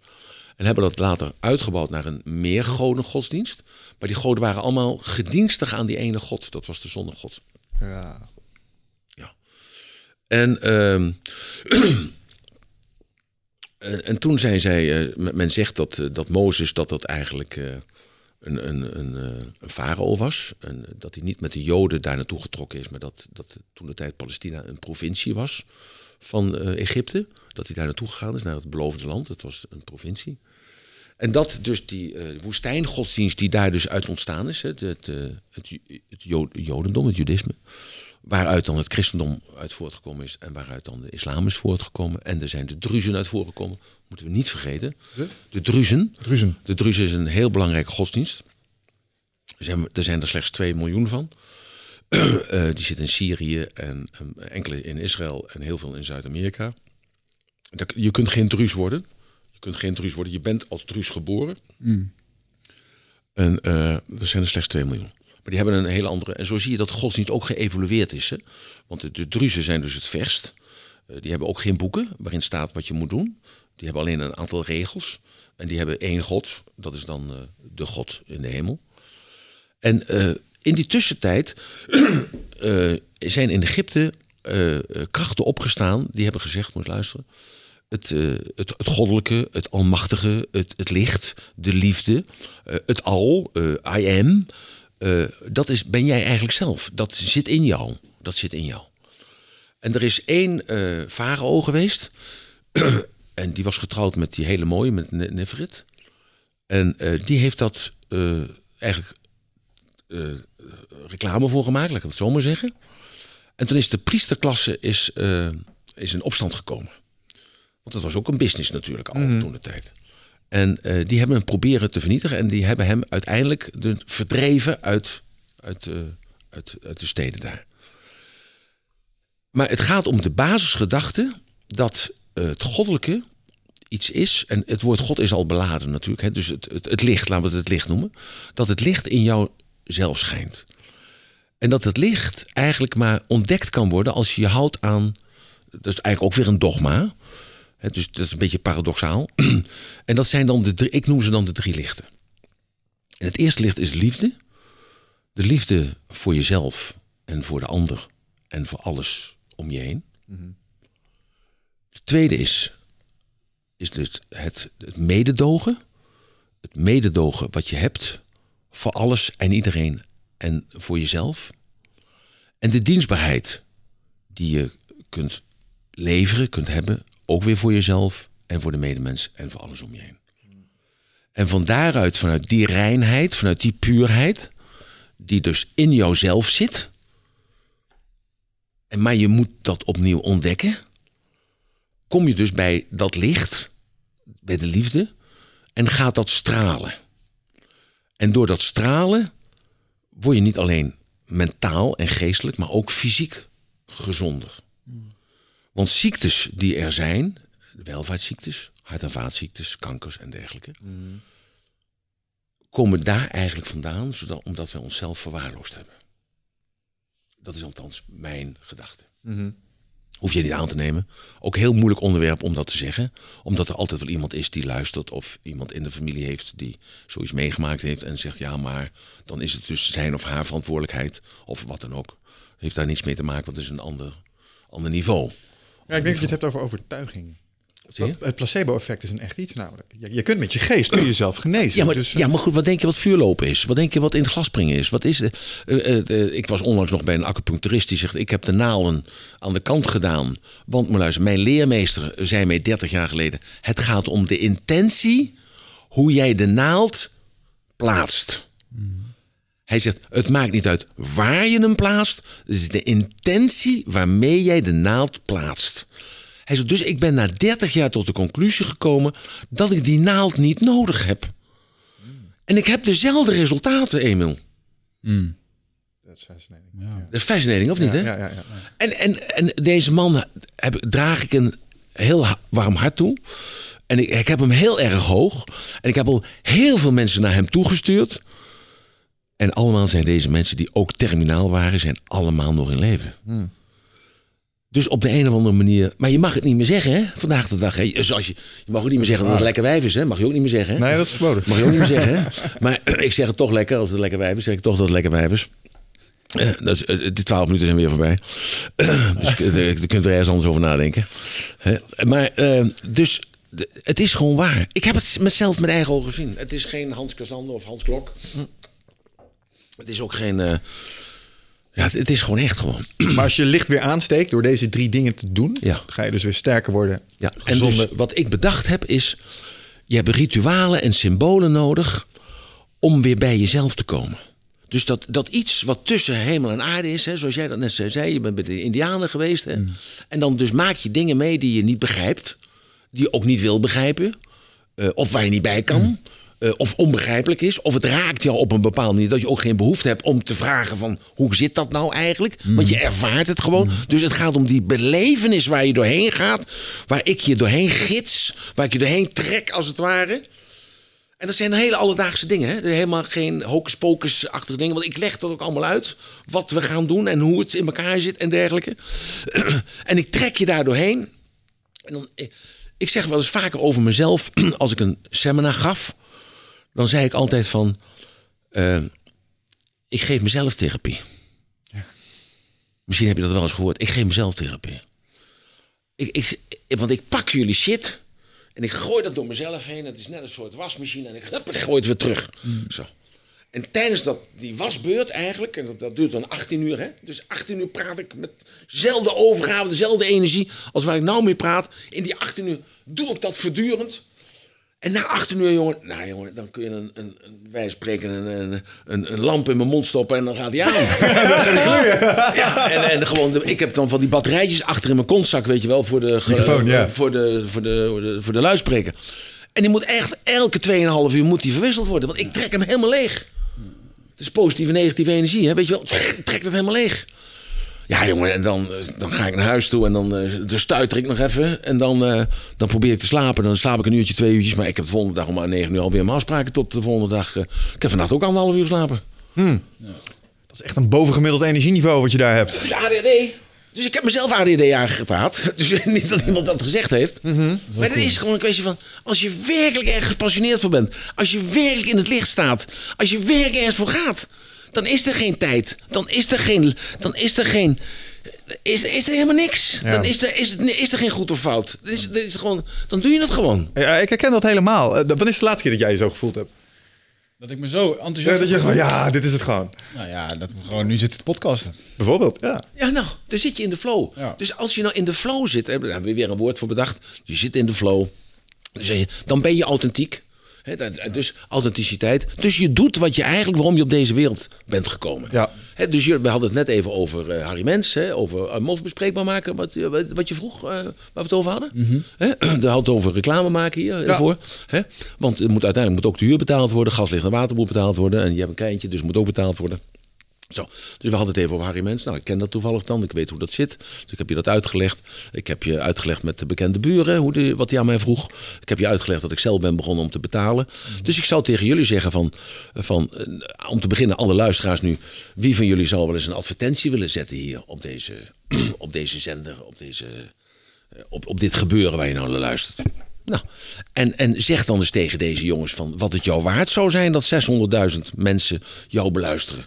En dat maakt niet uit of je nou masseuse bent, of je hebt een bakkerij en je exporteert brood naar over heel Nederland, of je bent eh, loodgieter en je zoekt een baan. Lijkt me sterk, dan ben je natuurlijk wel een slechte loodgieter als je nog geen baan hebt natuurlijk in deze eh after crisis tijd. Hoogtijdagen, ja. Dus stuur nou eens een mailtje hier naartoe. En wat is het mailadres van jullie? Info@eindbazen.nl Nou, dus eh, hoe heet het? Info.eindbazen.nl Nou, dus stuur nou eens een mailtje naar deze twee jongens. Die dus vanuit enthousiasme, vanuit hun passie dit begonnen zijn. En nu tegen bepaalde grenzen aanlopen. Want er is af en toe is er, eh, is er wat geld voor nodig. En zeg nou wat jij het waard vindt om, eh, om, om jouw product hier even wa- reclame te maken. Hebben we nou zojuist een commercial opgenomen? Ja. Het is, geen, het is geen commercial. Dus als u dit ziet als een commercial, ik heb toestemming gevraagd of ik het onderwerp, hè, als u even terugsluistert, dan, dan ziet u dat ik dat heel eh, integer benader. Want ik wil, u niet, ik wil u als luisteraar niet tekort doen, maar ik wil hen ook niet tekort doen. Dus eh, heel integer vraag ik dit en ik geef dat ter overweging aan u. En het is aan u de keus om er iets mee te doen of niet mee te doen. Het is aan uw keus om terug te spoelen of niet terug te spoelen. Het is aan uw keus om dit gewoon als eh, te laten zoals het is. Dankjewel voor deze... eh, ja, I like it. Dat is een goede plug. ik wil nog even terug. Eén ding vond ik wel mooi wat je zei. Dat, eh, dat het allemaal gaat over de, de natuur, wat het geeft. En dat, Ja. dat men vroeger alleen maar die wijsheid had van de bliksem en de donder. Toen ik bij de Indianen zat en ik begon aan het ritueel. Toen zei dat stamhoofd tegen mij. Dit ritueel gaat je de wijsheid geven van de bliksem, de zon, eh, de wind, het water en de aarde. Ja, de vijf. eh, ja. Dat is gewoon hun, hun eh, wat het is, weet je wel. Ook geen poeha erover. Het is gewoon de natuur. Maar het gaat natuurlijk om de prana, om de chi, om, om, om de geest, om de energie. Dat je die, die mag je krijgen. Die mag je ontvangen. En kijk, en ik geloof dat God zich heel verlaten voelt. Ik ben dan heel, eh, heel eenvoudige ziel, hè. Eh, En dan, dan denk ik aan God en dan denk ik bij mezelf, die zit daarboven. En er is niemand die meer die aandacht aan hem geeft. Want de kerken lopen leeg. Niemand brandt meer een kaarsje voor hem. Niemand roept hem meer aan, want het gaat allemaal goed. En, eh, ja, de grote mensen zijn net kleine kinderen. Als het goed gaat, dan denken ze nergens meer aan. Dus ze gaan ook niet meer naar de kerk. En nood leert bidden, dat is het spreekwoord dan. En dus, dus die man die zit daarboven. En ik denk dat dat een man is dan. En, dan die zit en die denkt bij mezelf, ja, wat een shit zo eigenlijk. Er is niemand meer die mij aanroept. Er is niemand die meer me bidt. Dus die voelt zich eigenlijk een beetje tekort gedaan. Dus je moet hem een andere vorm geven. Die verkoopbaar is vandaag de dag. En ik denk daarom dat oerspiritualiteit, dus uit die Egyptische tijden, dat dat noodzakelijk is. Gewoon om dat morele kompas weer te herontdekken bij jezelf. Voor jouzelf te weten, dit is goed en dit is fout. Heeft dus niks met wetten te maken. Jij weet vanuit jouzelf, als je werkelijk eerlijk bent, als je werkelijk... Want mensen weten vaak het gevoel niet, het, het verschil niet tussen gevoel en emotie. Hè? Mensen zeggen, ik voel wat. Ik zeg, wat voel je dan? Ja, ik voel dat ik honger heb. Ja, heeft natuurlijk helemaal heeft niks met je gevoel te maken. Jij komt binnen en, en dan zeggen mensen, ja, ik voel wat. Ik zeg, nou, dan doe je nou een blinddoek voor. En ik stop eh, watjes in je oren. En eh, ik doe je mond dicht. Ik zeg, en ik zet je nou in deze omgeving neer. En dan moet je, moet je mij vertellen wat ik voel. Ja, nee, nou voel ik niks. Ik zeg precies. Dus jij reageert gewoon op een impuls wat jij ziet en wat je hoort. En wat je proeft en wat je ruikt. Ik zeg, dus dat is heel iets anders. Dus dat werkelijke gevoel, deep down in jou, om dat weer wakker te maken. En dat kun je alleen maar bereiken door zo'n rituaal. Hè, wat jij dan meegemaakt hebt, dat je dat niet begrijpt. En dat dan dus de, de energie naar jou toe komt. Ja. En dat je dus dan open bent en die energie gaat door je. En je voelt dat als een. Ja, als een. Ja, maar ik weet niet wat het is. Ja, er, zijn geen woorden, zijn, ja. er zijn geen woorden voor. Er zijn, er zijn woorden voor. Er zijn geen woorden voor. Er zijn geen woorden voor. Ik, ik heb daar nog een vraag voor. Want je zegt, joh, God voelt zich verlaten. Ehm, je gaf Ja, ik straks- stel, ik stel me dat dan zo voor dan. Ja. Dat ik denk, eh, hè? En dat komt omdat de originele verhalen, zeg maar, die, eh, die werden verteld over hem en de, de Ja. les. Want je had het straks over christendom en Ja. eh, de islam. En die zijn de waarheid niet. En je hebt dat ook een paar Nou, keer ik zeg niet, die zijn de, de waarheid niet. De, de- luister, elk gezond denkend mens vandaag de dag, Mhm. die, eh, die kan niet geloven dat, dat je over het water loopt. Nee, maar dat snap ik wel.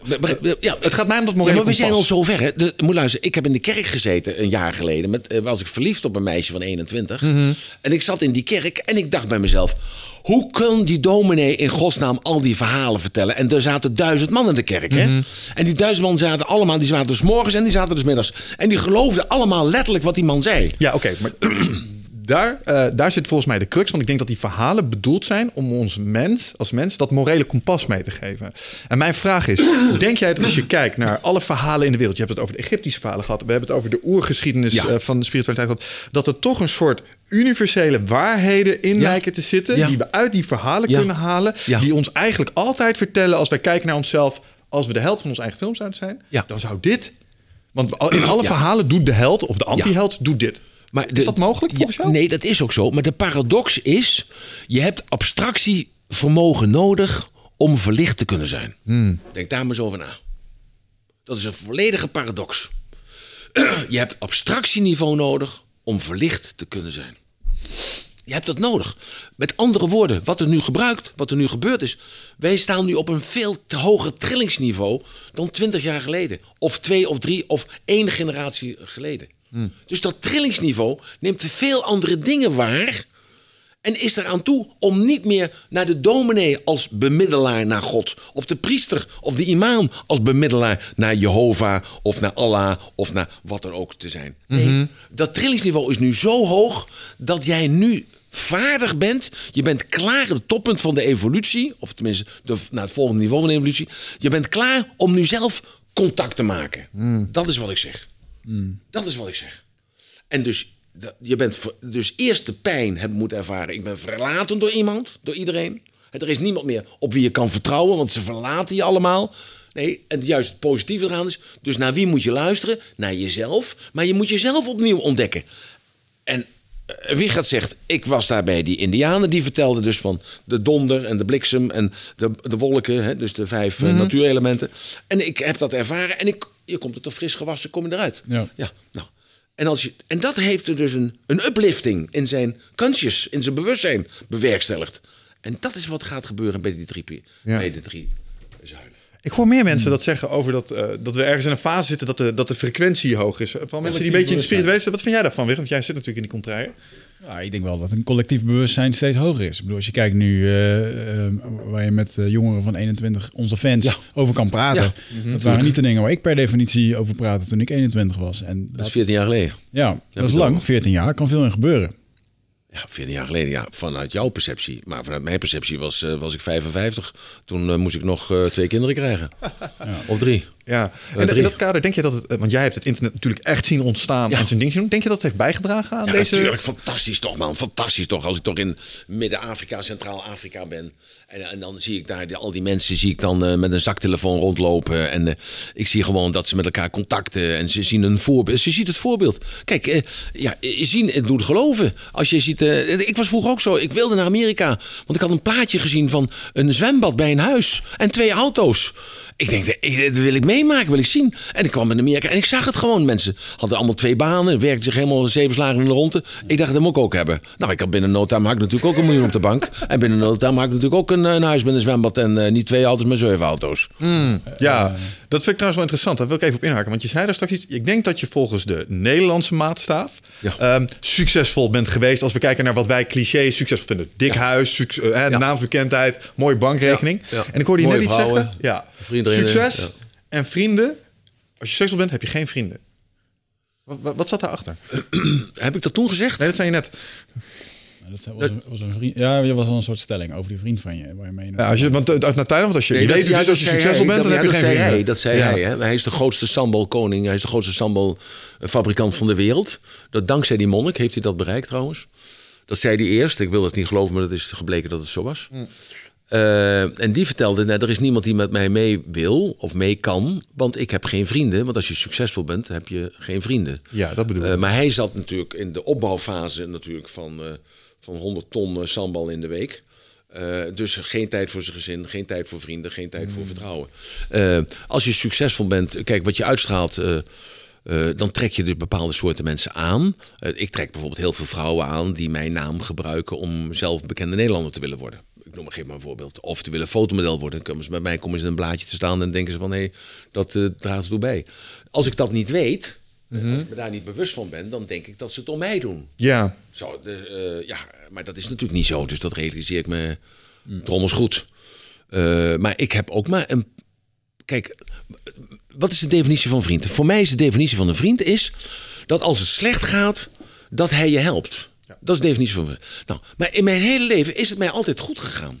Dus ik had geen vrienden nodig. juist. Maar ik had ze wel, maar ik had ze niet nodig. Dus zij konden zich ook niet zo manifesteren. Totdat ik in 1998 eh, werd ik gearresteerd door de Fields.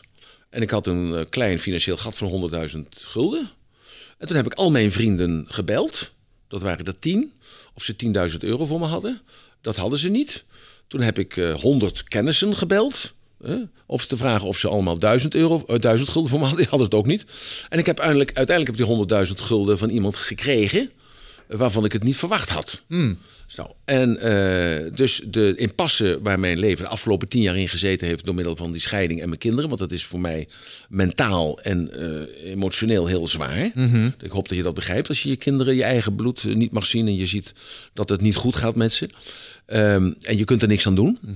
dat, misschien dat laatste is nog, misschien nog wel het ergste. Dat je, er, dat je er niks aan kan doen. Ehm, was er toch iemand die mij geholpen heeft. Bewust geholpen heeft. En die man, die ken ik eigenlijk pas sinds kort. Relatief gesproken in de leeftijd. En die man heeft mij echt geholpen. Financieel geholpen. Mentaal geholpen. Rationaal geholpen. Hij heeft me gewoon geholpen op alle gebieden. En dat is voor mij een echte vriend. Dus wat er ook gebeurt met hem, ik zal er altijd voor hem zijn. Want ik ben trouw. Ik ben echt een, gewoon, ik ben een hele trouwe hond. Wat dat betreft. Goeie eigenschap. Zo, dus, dus ik ben trouw. En op de een of andere manier is dat een ongeschreven wet. Eh, maar dat is gewoon een echte vriend. En ik had daarvoor echte, eh, ik dacht echte vrienden. Maar die hadden hele verborgen agendas. Nou, ik zal Ja. geen namen noemen, want als ze dat horen, dan... eh, ik heb, naar aanleiding van trouwens van het klooster, waar ik dan gezeten heb, heb ik ook een ander ding gedaan. Ik heb ongeveer, eh, ik heb een adresbestand van 1200 man bij een telefoon zitten. Of 1400. Ik heb er 500 uitgehaald. Gewoon eh, mensen die in je telefoon staan, gewoon weggooien. Ik heb weggegooid. Dus gezegd, wat brengen die mensen? Wat kosten die mensen? Eh, ze brengen niks, ze kosten niks, weg ermee. Ja. Het is een veelgehoorde klacht ook in. eh, eh, wij, komen, wij zijn al eens een keer met z'n drie in hetzelfde vertrek geweest. Dit weet jij misschien niet. eh, maar wij wisten het wel. Jij en ik hebben al een keer in Deventer in dezelfde ruimte gestaan. Bij Martijn de Jong, Tatsujin. Wij waren beide bij jouw partij Sterrenboksen in eh Ahoy destijds. Op Too Hot to Handle. ja, zeker. En, en wij kennen de grote namen uit de vechtsport ook wel een beetje persoonlijk. En die zeggen eigenlijk soortgelijke dingen. Als het goed gaat, heb je vrienden. Rij je dikke vrienden. Ja, ja, ja. En dan verlies je eerste partij. Word je uitgeboet. En dan ben je iedereen die kotst je uit. Dat is bij voetballen toch ook zo? Dat hoor je toch ook? Dan, eh, ja, en juist dan heb je de support nodig. Als het even tegen zit, dan heb je support nodig. Maar goed, ja, dan, je moet ook, maar als het altijd goed gegaan is, heb je ook niet leren vragen. Hè? Dat moet ik ook even bij zeggen. dus, dus hoe meer ellende je meemaakt in je jonge leven, hoe beter het eigenlijk is. Want dan leer je je vragen. Maar ik heb gewoon gelijk als klein, kleine jongen zijnde al. Mijn vader was fout geweest in de oorlog. Althans, dat beweerde men.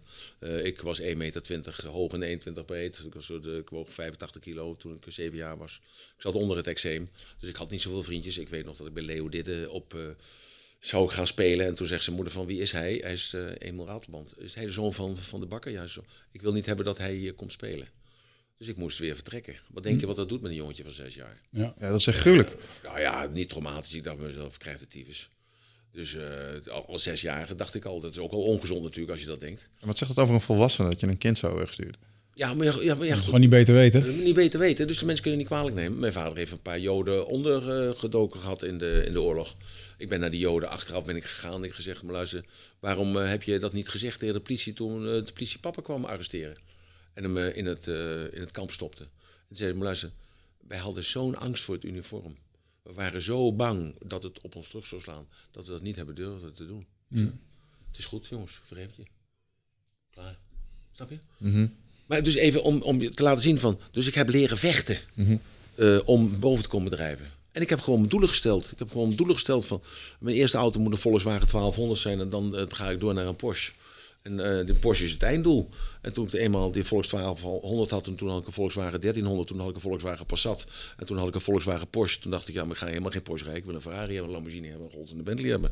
Zo, en zo heb ik mijn doelen gewoon... Ik heb altijd mijn doelen opgerekt. Zo, dat is het geheim. Het geheim is altijd... Ik ben altijd tevreden met vandaag. En morgen kan het beter. Is dit ook wat je, ze- wat je mensen leerde in de, in de seminars toen je als inspiratie, zeg maar, want NLP leert je een aantal van dit soort dingen. Wat mij opvalt is dat je hebt veel Tony Robbins, je hebt de Dan Peña's, eh Emiel Ratelman was een beetje de Tony Robbins van Nederland. En ze hebben allemaal zo'n beetje hun methodes, maar er zitten een paar principes onder. Er... Ja, en wat zijn die principes wat jou betreft? Goalsetting hoor ik net, eh, de doelen stellen. Dat is een Dus, dus de, doelstelling. De, de doelstelling, maar elke dag meten. Meten is weten. Dus elke dag meten. Aan s'avonds, dus bidden is meten en weten. Dus s'avonds zeggen, wat heb ik bereikt? Wat heb ik geleerd? Wat heb ik gedaan waar ik trots op kan zijn? Zo, dan val je al in slaap. Maar dat, dat, dat heb je dus gemeten. Ja. Eh, een journal bijhouden, hè? dus een dagboek bijhouden. Hè, Wat, wat heb ik gedaan? Wat heb ik geleerd? Wat heb ik ervaren? Wat, wat, hoe heeft iemand, iemand zich gemanifesteerd? Wat, hoe heb jij erop gereageerd? Hoeveel een klein mindmapje te zijn? Klaar is Kees. Nou, zoals jij ook een mindmapje maakt. Ja, ja, ja. Hè? Zo, een klein mindmapje maken. Dat is belangrijk, meten en weten. Je doelen stellen. En het loslaten, maar vooral je doel loslaten. Niet absoluut bezig zijn. ge- eh, bezig zijn om dat doel te bereiken. Gewoon zeggen, ik wil gewoon eh, miljonair zijn. En- over hoeveel tijd wil je dan miljonair zijn? Ik wil gewoon over eh, drie jaar miljonair zijn. En, en hoe ga je dat dan bereiken? Geef gewoon over. Geloof ik dat? Geloof ik niet. Nou, oké, nog een keer tegen mezelf zeggen. Ga voor de spiegel staan. Hoe zie je eruit als je miljonair bent? Hoe eh, ga je voelen? Wat ga je zeggen? Wat ga je dragen? Wat voor kleren ga je doen? Enzovoort, enzovoort. Dat, net zolang tot je het gelooft en laat los. En dat gebeurt vanzelf. En dat gebeurt gewoon echt vanzelf. Want namelijk al datgene wat jou overkomt, wat jou toevalt, dat valt jou toe.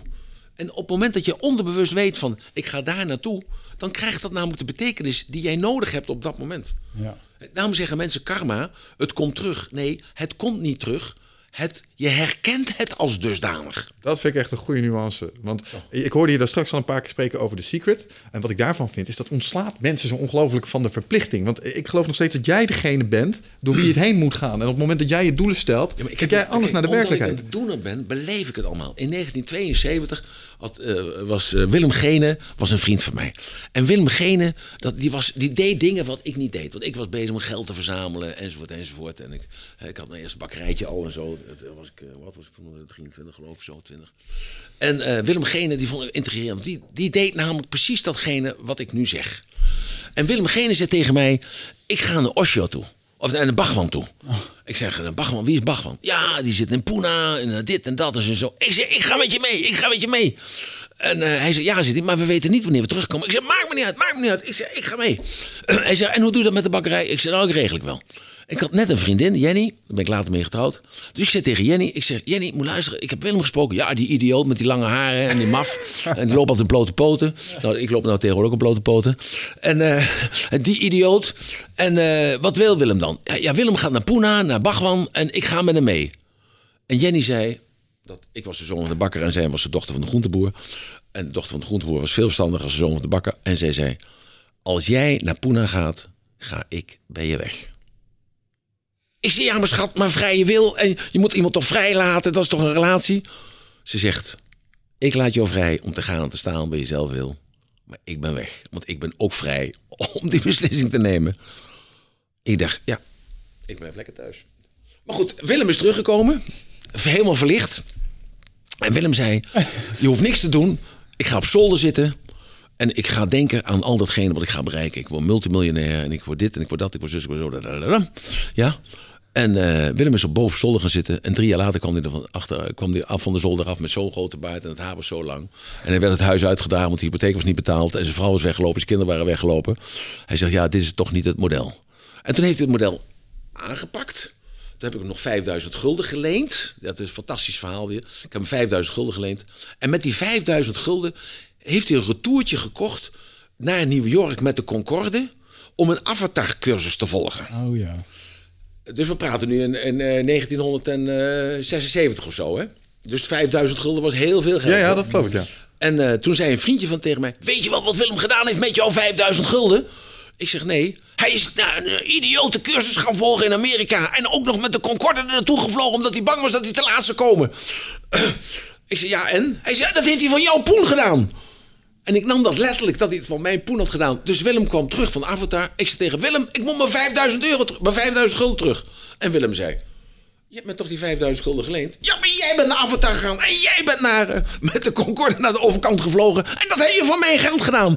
Hij zegt, dat mag je pas zeggen als ik je niet teruggegeven heb. Bam, bam, bam, bam. Dat is even wakker worden. en drie maanden later was de termijn om. En ik, hup, ik kwam zo die 5000 gulden terugbrengen. Zo'n waardevolle les, hè? Zo'n waardevolle les. En Willem zie ik af en toe nog eens een keer door de stad lopen. Ik heb hem laatst nog gebeld om te zeggen... Willem, je moet actie ondernemen. Dat al die idioten, hè, van al die mensen van de gemeentes... dat er avatar-mensen zijn, die zijn enthousiast over hun product. En die zeggen, maar luister, jij moet ook avatar doen. Jij moet ook avatar doen. en je avatar? Moet, gewoon- avatar is een, een, eh, soort... eh, een, een, Achtige shit. Nee, het is geen secte. is helemaal geen secte. Het is een cursus. En als je in die cursus zit, dan moet je vervolgcursus doen. Vervolg, en dan, eh, dan kun je tovenaar worden of magier, dat is een naam. Maar het gaat erom dat als jij werkt in het Paleis van Justitie of je werkt op het gemeentehuis of je werkt bij een bedrijf en je doet een yogacursus en het grijpt jou. Waar heb je het dan over tijdens de koffiepauze? De over de yoga. yogacursus. Ja, en doe jij een of andere cursus met eh computer eh, huppelenflup, weet ik veel wat. Waar heb je het dan over tijdens de koffiepauze? Heb je het over de huppelenflup cursus? Mhm. Zo. Dus er is niks verkeerds aan. Maar die mensen worden gewoon ontslagen omdat ze dus de avatarcursus aanraden aan andere mensen. Ja. Ja, Nou, dat bedoel ik. Nou, dus dat heb ik laatst Willem nog over gebeld. Hij zegt, heb je mijn telefoonnummer nog? Ik zeg, Willem, je zit in maart, jongen. die zat bij de 500 die over zijn gebleven. Hilarisch. Maar je geeft nu nog steeds evenementen. Je geeft nu nog live evenementen. Je bent Ja. weer eh, aan het Ja, doen. ik heb net een, eh, een, net een school, een scholengemeenschap heeft mij gevraagd om een. eh, er zitten 80 eh onderwijzeressen en twee onderwijzers. En die moeten schop onder de kont hebben. En ik heb een, eh, met de directeur gesproken. En eh, eh, ik heb die directeur zijn verhaal laten vertellen. En, ik heb, en hij, vroeg aan mij, hoe pak je dat nou aan? Hij zegt, ja, zegt hij, zegt, eigenlijk hoef ik het ook niet te weten. Hij zegt, ik heb je nu een kwartier beleefd. Hij zegt, en eh, zit wel goed, zegt hij. En ik, ik heb een klus gedaan en, twee maanden geleden voor de Rotary. Dat waren eh, een stuk of twintig kerels. Eh, het was een soort grapje eigenlijk. Het was eh, drie uur praten over body logic en drie uur praten over de kwaliteit van je leven. Eh, dat is zo goed bevallen dat ik nu voor een aantal deelnemers van die Rotary Club voor hun bedrijven nou voor hun bedrijven mag optreden. Ah. En dan bewust. Maar ik zeg altijd, het is echt bewustzijnsverruiming. Want op het moment dat je bewustzijn hebt over dat wat je doet, ben je gemotiveerd. Hè, dat we hadden we eventjes voordat we begonnen, hadden het over motivatie. En want dan ben je intrinsiek gemotiveerd. Het gaat dan om jezelf. Het gebeurt ook heel, ja, heel vaak, of heel regelmatig gebeurt ook, dat als ik ben geweest, dat de mensen ontslag nemen. Omdat ze dus dan eh, zeggen, ja, in deze organisatie eh, pas ik niet thuis. Ja. Hè? En dat is ook goed. Dus ik overtuig dan de directie ervan dan, eh, dat, eh, dat het ook goed is voor die persoon. En, want het gaat om het gemeenschap eigenlijk. En niet in de laatste plaats ook voor de organisatie. Natuurlijk, daarom zeg ik voor de gemeenschap. Hè? Dus en, nu deze drie zuilen, dat is dus iets nieuws. Daar ga ik mee beginnen 2 juni van dit jaar. En ehm, ik heb een hele mooie zaal gehuurd. En de mensen mogen komen. En eh, ik moet nog wat eh, publiciteit eh, verzorgen. Maar dat, ik zet geen advertentie. Maar ik laat het organisch groeien. In tegenstelling tot ik het altijd anders heb gedaan. Ik laat het nu organisch groeien. En ik, ik, ik ga kijken wat het, hoe de mensen daarop reageren. 2 juni is een dag. Dat is op zaterdag. Op zaterdag, ja. Zaterdagmorgen van half elf tot. Wou 12. erheen. Eindbaas Experience. Eindbaas Experience. Wij doen Ja, Eindbaas. Experiences. Dan gaan wij op locatie gaan we eh, een dagje meelopen. Ja. Dan gaan we kijken En eh, als ik dat een aantal keer heb gedaan, dan ga ik het eh, streamen naar bepaalde adressen toe. Van mensen die in Groningen wonen of in Limburg of eh, ergens ver weg. Die krijgen dus dat signaal thuis. En dan mogen zij in hun huiskamer of in een plaatselijke toneelzaal of zo, mogen ze mensen uitnodigen. En dan mogen zij dus dan eh, dat laten zien. Dus dat eh, wat uit Maasrecht dan eh, uitgezonden wordt. Oh, je gaat livestreamen vanuit één locatie. En tegelijkertijd zijn op andere locaties wordt die stream ontvangen en doen mensen mee. Ja, en doen mensen Oh, mee. fijn. En dan leer ik die mensen, dus die gidsen die daar zijn. Dus je, je moet bijvoorbeeld voorstellen, het, het, we nemen dat nu op in, in een dorpje vlakbij Gouda. Of daar doen we het dan. En dan, eh, dat- jij komt bijvoorbeeld uit, uit Groningen. En jij zegt, eh, ja, maar het is toch om elke twee weken zo ver te rijden. En ik zeg, nou oké, dan doe je dat thuis. Dan streamen we naar je huis. En eh, nodig jij de mensen uit? Nou ja, zeg, ik noem mijn moeder en mijn vader, mijn zoon en mijn dochter en de buren nodig ik uit. Nou, en dan kom je nog even bij ons en dan leren we je welke ritualen en symbolen we deze keer gaan gebruiken. En hoe je die eh, ja, kunt gebruiken en kunt vertellen. Want je moet het faciliteren, daar komt het eigenlijk op neer. Ja, ja. En jij faciliteert dat dan voor jouw gemeenschap. En of dat nou drie mensen zijn of het zijn 300 mensen zijn, is niet, is niet belangrijk. En zo gaan we dat dus uitrollen. Nederland, België, Duitsland, Engeland, Frankrijk. Zo sst, over Europa heen. Want dat is een, ook een, je hebt nog gevraagd wat zijn een aantal regels. Dat een, een van de regels is dat je groot moet denken. Eh, we hadden het over doelen stellen en over Ja. focus houden. Focus houden. Dus dat is ook de paradox. Je moet de focus houden, onbewust focus houden. Niet, je moet niet elke dag bewust mee bezig zijn. Want dan komt het niet op je pad. Dan herken je het niet als dusdanig, omdat je dus die, die oogkleppen op je hebt. Want de, de mensen die mij het meest inspireren, zijn eigenlijk altijd eh, mensen op straat. Eh, iemand in de file of zo. Of eh, een, iemand die je meeneemt als lifter. Of een, iemand die staat te bedelen. Hè, dat geef ik hem geen geld, dan drink ik een kop koffie met hem bij de McDonald's of zo. Of gisteren was ik even in Laren nog, eh, voordat ik de kindertjes mocht zien. eh heb ik even wat, want ik, ik kook altijd voor die kinderen. Eh, dus ik moest even nog wat eten kopen. En eh, bij Laren voor de Jumbo stond een meneer. En ja, die stond te bedelen. En toen zeg ik, nou, ik zeg hier, ga maar naar binnen toe en koop maar wat je nodig hebt. En die man die nam maar twee worstjes en een, eh, een zak chips. En een, eh, ik zeg, moet je geen groente hebben? Ja, nou, toen nam hij wat worteltjes en wat boontjes. En eh, wat aardappels. En, eh, en hij, hij nam voor 32 euro mee. Ik denk dat die 32 euro op die manier meer waard is als dat ik hem 25 euro zo geef. Ja, dat denk ik ook. En, en had ik hem nooit 25 euro gegeven, dan had ik hem 5 euro gegeven of 1 euro of 2 euro Ja, gegeven. ja, ja, ja. Snap je? Ja, Maar nu heb ik denken van, nou, want ik leerde hem kennen. Hij had twee kinderen, had geen baan. eh, sprak bijna geen Nederlands. Had problemen met eh, papieren te krijgen. En dan denk ik bij mezelf, ja. En dan denk ik weer terug aan Vancouver, dat ik met mijn zoontje daar stond. Bij het ziekenhuis. En dan denk ik, ja, maar zo is het natuurlijk. Ja. Zo is het gewoon. En, en op deze dag dan ga je ook meditaties daarin eh, verwerken en dat Ja. soort dingen. Mag dat zo Ja. zien? Ja, dus ik ga mensen leren, dus het is een eh, heel ander soort meditatie als dat men gewend is. Het is een hele, eh, hele felle eh doe-meditatie. En het heeft als nut, als doel ook om het karma te verbranden. Dus ik kan me niet zomaar zeggen, oké, ga maar zitten en ga maar ademen. Dan moet dus echt wel verteld worden van, oké, je hebt dus in eerdere leven heb je dus je karma opgebouwd. En dat neem je nu mee. En je zult dat dus tijdens de eerste paar keren, als je in die meditatie gaat, kom je dus in die eerdere levens. Ik heb dat zelf meegemaakt. En bij mij was het frappante dat ik... eh, ik heb drie keer in eerdere levens gezeten. Eh, Erwin, die bij me was, zat in precies dezelfde levens. Dus het bleek dus dat we een parallel hadden, wat dat betreft. En toen ben ik daaruit gekomen en toen zat ik in het huidige leven. Dus ik zag de oorzaak-gevolg, zag ik van bovenaf heel duidelijk wat ik gedaan had. En ik was met iets bezig in mijn leven en ik zag op verre afstand zag ik de gevolgen daarvan.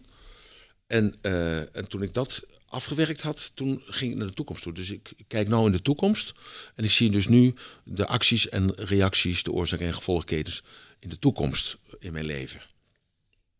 En omdat het eh, vrij uniek zijn, de, dus de monnik die me dit geleerd heeft, het is vrij uniek. Eh, want er zijn heel veel mensen die doen het eh, 20, 30 jaar en zitten nog steeds eh, te pielen in hun, eh, in hun oude, oude shit. Eh, maar misschien heeft dat een beetje mee te maken dat ik heel makkelijk ben. Ik stap makkelijk over dingen heen. Ik eh, verwerk het, gooi het ook fysiek van mezelf af. Eh, en hij zei, daarom krijg jij de opdracht om dit, deze meditatietechniek te doen in, eh, over de hele wereld.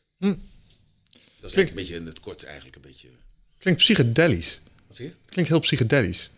Psychedelisch, Dat eh, de jaren 60 wordt geloof ik. ja, dat klopt. Maar wij zitten ook wel soms een klein beetje in die contraien. En het, het doet dingen. ehm, zeg maar, eh, ik heb wel eens gehoord, je hebt wel eens gehoord van magic mushrooms en dat soort dingen. En die worden ook wel eens therapeutisch ingezet. Ja, en die ja, geven ja, je soms ook, net wat jij zegt, het vermogen om op een helikopterview Ehm, naar je leven te kijken. En, en Ja. op- basis daarvan dan besluiten te maken en dingen te... Nee, omdat je dus nu, eh, dus je, je, je- kijk, in NLP doe je disassociatie. Hè? Dus je zet jezelf, je gaat buiten het lichaam staan en dan kijk je naar jezelf. Zo. Dus dat is dan een hele, dat is een moeilijke techniek hoor. Niet, dat kan niet Wat iedereen. die metapositie? Dat, er zijn eh, sinds mij zoveel nieuwe woorden. Ja, oké, mind, dat- ja. Ze hebben, ze hebben het zo gecompliceerd gemaakt dat je het niet meer, eh, dat je het niet meer uit kunt Kunnen ze voeren. duurder doormaken? Oh, ja. Is dat zo? Nou, het zal wel zo zijn. Maar goed, dus dit disassocieer je dus van de omstandigheid. En dan de- kijk je naar de film. Je kijkt naar de film en je ziet dus wat er gebeurt. Hè, wat er aan het begin van de film is en aan het eind van de film is en wat er op dat moment film is. En dan verplaats je jezelf in die persoon. En je bent of de, de auteur of je bent de regisseur. Je kijkt. En dit is veel sterker. Je hangt er boven als het ware en je hangt er af en toe in. Dus het is meer driedimensionaal in deze eh, meditaties, eh, of misschien wel vijfdimensionaal. Je zit dus erin en je ziet dus, af en toe ga je naar boven, dan zit erin. Eh, ja, het is, het is heel vreemd. Je bent één, je ruikt, je voelt, je proeft. Je ziet, je hoort, je, je bent één met de omgeving. En tegelijkertijd weet je dat je ook dat je dit kan doen. Zo, dat je dit kan doen. En, en je gaat er weer in. Zo, en, en je, elke keer ga je naar boven toe en dan zie je dus gewoon... eh, ik, ik, was, ik zat op een paard, ik had zwarte kleding aan... een grote helm op mijn kop en dergelijke. En eh, ik sloeg iedereen dood die om me heen was. En ik, en ik zag dus gewoon, ik zag dus de gezinnen die achterbleven. Terwijl ik dus iemand het hoofd afsloeg, zag ik de gezinnen die achterbleven. Dat zie je dus niet in die film, dat, dat, dat zie je ernaast. Zo, en zo zag ik dus dingen dat ik gedaan had in mijn bakkerij. Ik had mensen ontslagen. Ik had mensen aangenomen. Zo, ik zag eh, dus mensen dus, ziek, voor, ziek van worden. Dus, dus ik, eh, mensen hadden het nog nooit gezien, maar ik zag het in één keer. En ik dacht, ja, dat is ook zo. Want je doet iets, je laat iets vallen, of je raapt iets op, en er gebeurt dus iets. Cause and effect, zeker. Eh, ja, Maar er gebeurt dus iets veel meer buiten jou, eh, buiten jouw ge, ge- sinds gezichtsveld, als dat er dus binnen gebeurt. Ja. Zo, en, en in dat verwerken van die karma zie je namelijk dat allemaal tik, tik, tik, tik, tik, tik, tik, tik om je heen. Dus het is heel emotioneel en heel ingrijpend en heel, heel heftig. Ja. En heel, eh, ja, maar ik was binnen twee, drie keer was ik klaar. ja, je zegt het is een hele heftige manier van mediteren. je- Wel, Qua ademhaling Maar, ja, ook wel ademhaling. Maar ook dus de, de licha- meteen, onmiddellijk als je het doet, eh, meteen zijn de kleine lichamelijke ongemakken gaan weg. Dus, dus eh, ik had eh, bijvoorbeeld een, eh, ik, met, ik doe karate. Ik heb een schop gehad tegen mijn rechterknie. Dus dat is een beetje ontzet. Dus daar heb ik af en toe met weerswisselingen. als ik de verkeerde schoen aan heb, als ik me te haast, dan, dan schiet het in mijn knie. Zo- Zo'n ongemakkelijk dingetje. Ja. Zo. Dus ik probeer het te vermijden, maar dan ben ik vergeten dat ik het had en dan schiet het er weer in. Zo. Dat is voorbij. Dat is weg. Dus gewoon weg. Ik heb op mijn eh 23 keer een zweepslag gehad. Je weet wat het is. Hè? Ja. Dat is een spier achter in mijn, eh, vlak bij mijn schouder, schouderbladen. Eh, op de fiets heb ik dat gehad. Ik kwam uit de bakkerij. Ik, ik was bezweet en ik rijd dus naar huis toe. Op de fiets, hup, ah, zo. zo. Nooit gelast meer van. Altijd last van gehad, nooit gelast meer van. Pijn in mijn hoofd. Ik heb op één plek altijd die- daar heb ik af en toe stekende, stekende pijn. Eventjes, kort maar krachtig. Nooit meer van gehad. Zo, dus hele kleine dingen weg. Ja. Maar ook hele grote dingen verdwijnen. Omdat het licht gaat schijnen in jezelf. Lijkt En, het... en natuurlijk is het autosuggestie. Even, nou, even praten, gewoon even nu eh, eh, in je nap koude en zo. Het is autosuggestie en hyperventilatie. Ja. Hè, want dat is het. Dat doe je. Je brengt dus hyperventilatie op gang in jezelf. Daardoor ga je dus allerlei rare dingen denken en doen en zeggen enzovoort enzovoort. Maar doordat je zoveel zuurstof binnenkrijgt en zo, eh, de, zo raar gaat denken, is dat heel verhelderend. Dus ja, wat is fictie, wat is werkelijkheid, wat is illusie? Ja, maar daarom is wat ik zeg, ik- dat klinkt Ja. psychedelisch, want holotropische ademen er zijn ademhalingstechnieken waarbij je in je hoofd een bepaalde cocktail aanmaakt, waardoor je bijna geestverruimend wordt in je geest. Ja, exact. Nou, Ja. Maar, maar beter dat zelf aanmaken, die ja. aanmaken, als een pilletje slikken. Nee, eens? Ja, ja, tuurlijk. Ik heb vorig jaar zo'n eh, retreat gedaan in eh, Amerika met een Amerikaan die dit deed. En dan zitten er gewoon eh, 60 gasten op de grond eh, te ademen. En dan beginnen mensen te huilen, te lachen en te... Ja. En dat maakt dingen los. Ja. Maar goed, Ja, nee, maar ja. de- kijk, je, dus er zijn drie regels straks voor de drie zuilen. De eerste is gewoon, er wordt niet gesproken over politiek. Er wordt niet gesproken over welke religie dan ook. En alles wat hier gebeurt, blijft bij onszelf. Dus we gaan niet naar buiten toe en zeggen, hey, je Jan gezien? Nou, ja, ja, ja. Ja, ja, ja, ja. Dus want tijdens die meditatie zou dat best eens kunnen gebeuren. Dat daar dus eh, rare dingen gezegd worden of mensen gaan... eh, Ze wil een omgeving creëren waar men kwetsbaar kan zijn. En, eh, exact, Ja, ja. kan laten dat gaan. is heel belangrijk. Is dit het begin van je eigen geloof? Nee, want het is geen geloof. Ik ben een gids. En ik, ik geef dus aan een weg die ik zelf gelopen ben, die anderen met mij gelopen zijn. En ik heb ook nog weer zelf een gids die mij gidst hierin. Ja. Want ik ben niet alwetend. eh en maar mijn gids weet daar veel meer van dan ik. Heeft daar, heel, heeft daar ook 60 jaar over gedaan met leren. Maar, maar die is heel, eh, heel, hoe moet ik dat zeggen? Heel intellectueel. Ik ben natuurlijk niet intellectueel. Ik ben een hele eenvoudige jongen. Eh, en ik heb toevallig dan de gift gekregen van daarboven, een gave gekregen. En dat ik dus hele moeilijke dingen kan simplificeren, dat iedereen dat kan begrijpen. En ik heb de gave van het woord gekregen, dat ik dat dan ook nog op de juiste wijze kan uiten. En, eh, en dat is mijn taak. Zo zie ik dat, dat is mijn taak. En die persoon die naast mij staat of achter mij staat, die, die laat mij dus met informatie, waarvan ik denk, ja, is dat zo, is dat niet zo? En dan, eh, maar ik vraag me dat zelf ook niet af, die laat mij daarmee. En op het moment supreme dat ik daar sta, dan gebeurt dat vanzelf. Dat, Ja. dat is, elk seminar is, maar elk seminar is al zo geweest, want ik word altijd gedragen. Ja, dat is grappig, want eh, in Amerika hebben ze daar een mooi woord voor, eh, een conduit zijn. Het, in Nederland klinkt het doorgeefluik, dat klinkt niet zo heel erg charmant, maar dat er iets door je heen komt. Zeg maar, dat, dat je even gewoon, eh, dat- ja, laat maar komen. En, Maar dat is nou authenticiteit en dat is nou in de flow zijn. Dus als je authentiek bent, dan heb je toegang tot dat portaal. En dan durf je dat ook te doen. ja, Want dan denk je niet meer na, wat zijn de consequenties van mijn daden? Want dan doe je het gewoon. Is er ook geen tijdsbesef meer van hoe laat is het? Ik moet naar huis. Of ik moet de koffie drinken, of ik moet naar de wc. ja, Dus zodoende is die 18 uur ook gegroeid. wat grappig. En hoe manifesteert zich dat in jouw hoofd? We hebben hier een spreker gehad, eh, of een dame gehad, Mirjam Spittelt, en die vertelt eigenlijk precies dit. Die gaat soms op een podium staan, bereidt zich niet voor, zegt: Het komt wel, het komt altijd, ik heb Karel in mijn hoofd. Bullshit.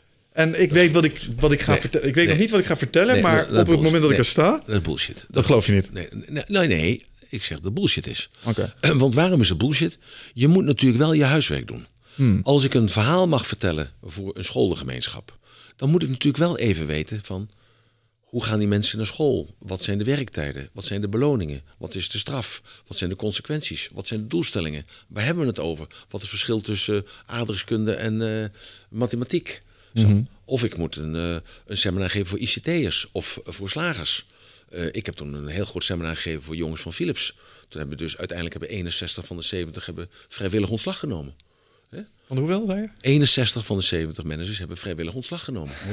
Daar zal het management, daar zal de directie blij mee geweest zijn. Jazeker, nee, jawel, want het was een verliesgevende divisie. Oké. En dus deze 61 van de 70 hebben dus ontslag genomen en hebben een contract gekregen voor te weten voor beperkte tijd te weten een jaar, gekoppeld aan de objective. En de objective was de winstcijfer van 80 miljoen, terwijl ze 180 miljoen verlies hadden geleden het jaar daarvoor.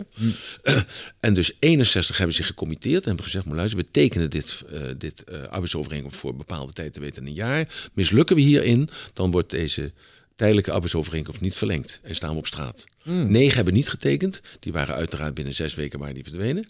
En ze hebben dus gewoon hun doelstelling hebben ze gehaald. Bizar. Commitment. Ja, dat is het commitment. Maar je moet dus ook de prijs durven te betalen. Ja. Zo.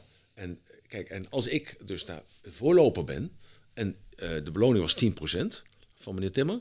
En die 10% heb ik gegeven aan die mensen die het getekend hebben. Ik heb er niks aan verdiend. Ik hoef er niks aan te verdienen. Dus zij hebben die 10% gekregen. Ja. En je punt was, je moet je huiswerk maken voordat je zo'n... Je moet je huiswerk maken. Dus, dus als ik eh, spreek voor jou, is het een andere interesseveld als dat is, ik spreek voor jou.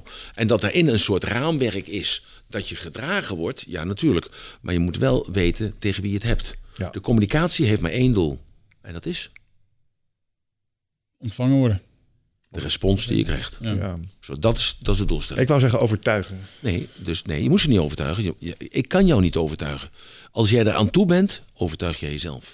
Ben je er niet aan toe, dan hoor je niet wat ik zeg. Dan is het voor jou een show. En dat is entertainment. Dus het is voor de ene show en die komt drie keer terug.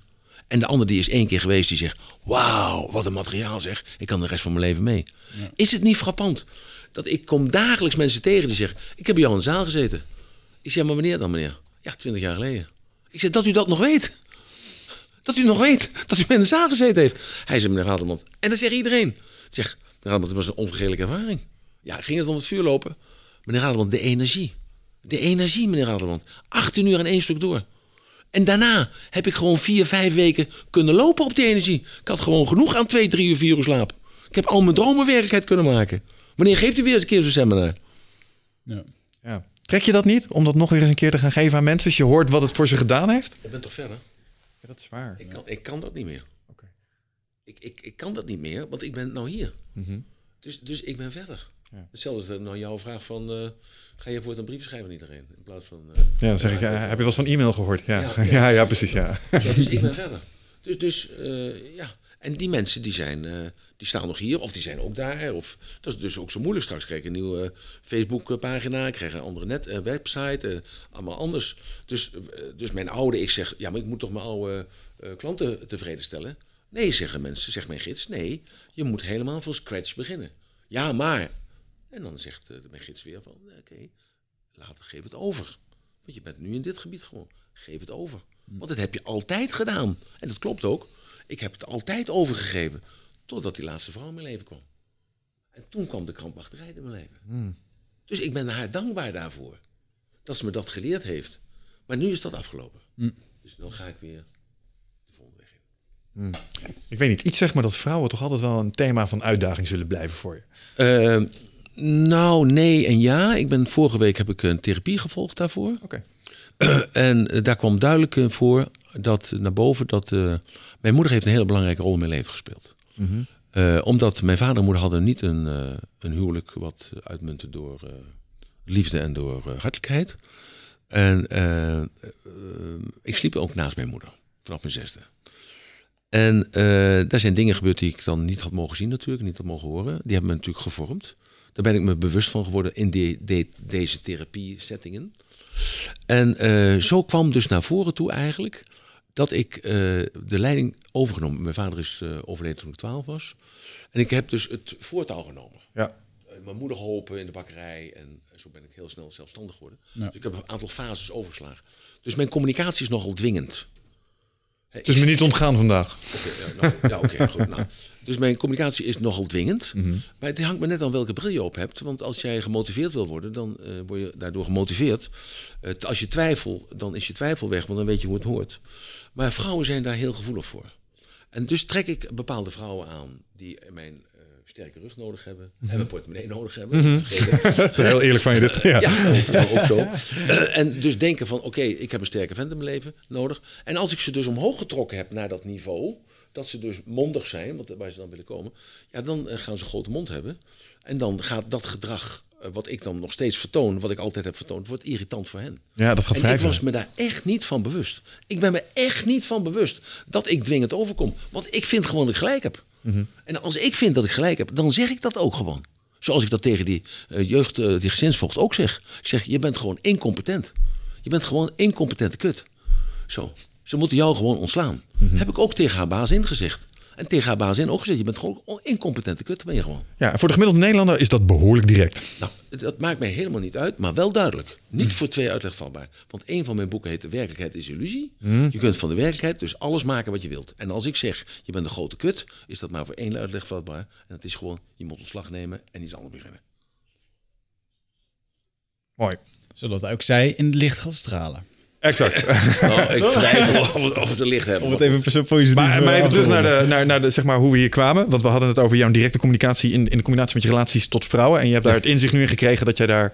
Ja, ga je daar anders in opstellen? Of ga je een ander type vrouw aantrekken door je nieuwe pad? Hoe denk je dat dat zich gaat ontwikkelen? Want je zegt, Nou, nou, ik verwacht niet dat het een probleem blijft. Nou, ik heb eh, tegen al mijn vriendinnen gezegd: ik wip niet meer met jullie.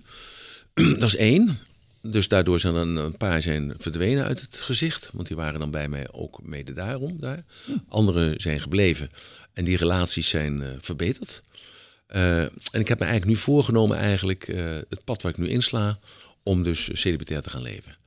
Omdat ik begrepen heb dat het celibaat, wat ik toen de tijd veroordeeld heb, toen ik 14 was, dat het celibaat ook wel nuttig is. Want als je een, en nou gebruik ik een woord wat ik eigenlijk niet mag gebruiken, maar ik gebruik het toch omdat het dan duidelijk is, dat een heilige man zich niet mag, moet belasten met de problemen van alle dag. Hm. Vrouwen zijn een afleiding. De vrouw, voor mij zeer zeker een afleiding. Ja. En eh, eh, ik heb altijd tegen elke vrouw gezegd: jij bent superieur aan mij. Want door jou kan ik het licht bereiken. Dat, dat zag ik toen zo. Eh, alleen jij moet me brengen. Alleen de laatste vrouw, is, waar ik in echtscheiding ligt, heeft mij eigenlijk in het licht gebracht. Zonder dat ze dat wist dat ze dat deed. Dus daarom ben ik haar ook heel dankbaar voor. Dat ze dus met haar, voor haar normale gedrag mij zover gekregen heeft. Dus daar Ja. ben ik heel dankbaar voor. Ja. Dus ook weer een paradox. Maar ja, dit is allemaal een paradox natuurlijk. Maar ik hoorde je net zeggen, eh, de vrouwen, ik, ik had ze een soort van nodig om mij. eh, Die, heb jij ze een soort van als brandstof voor jezelf? Van, want aandacht van En vrouwen verbruik je. Hè? Dat Ja, ik snap het wel, maar- degenererend klinken. Zo. Nee, niet helemaal. Want de aandacht van een vrouw kan een man in vuur en vlam zetten. Ja, en die energie ja. gebruikt hij Ja. voor wat hij doet. En dat is een Eh, mechanisme dat ik zelf ook graag gebruik. Ik bedoel, eh, eh, eh, vrouwelijke aandacht geeft mij energie. En die energie kan ik weer in andere dingen stoppen. Dus ik weet niet of dat heel erg is. Het gaat niet om de aandacht, het gaat om de liefde die wederkerig is dan op dat moment. En als de liefde wederkerig is, dan geeft dat vuur en vlam, toch? Hmm. Zo. En als je liefde hebt voor elkaar, dan is er ook geen tijd en geen plaats. En dan is het ook alles is goed, Ja. toch?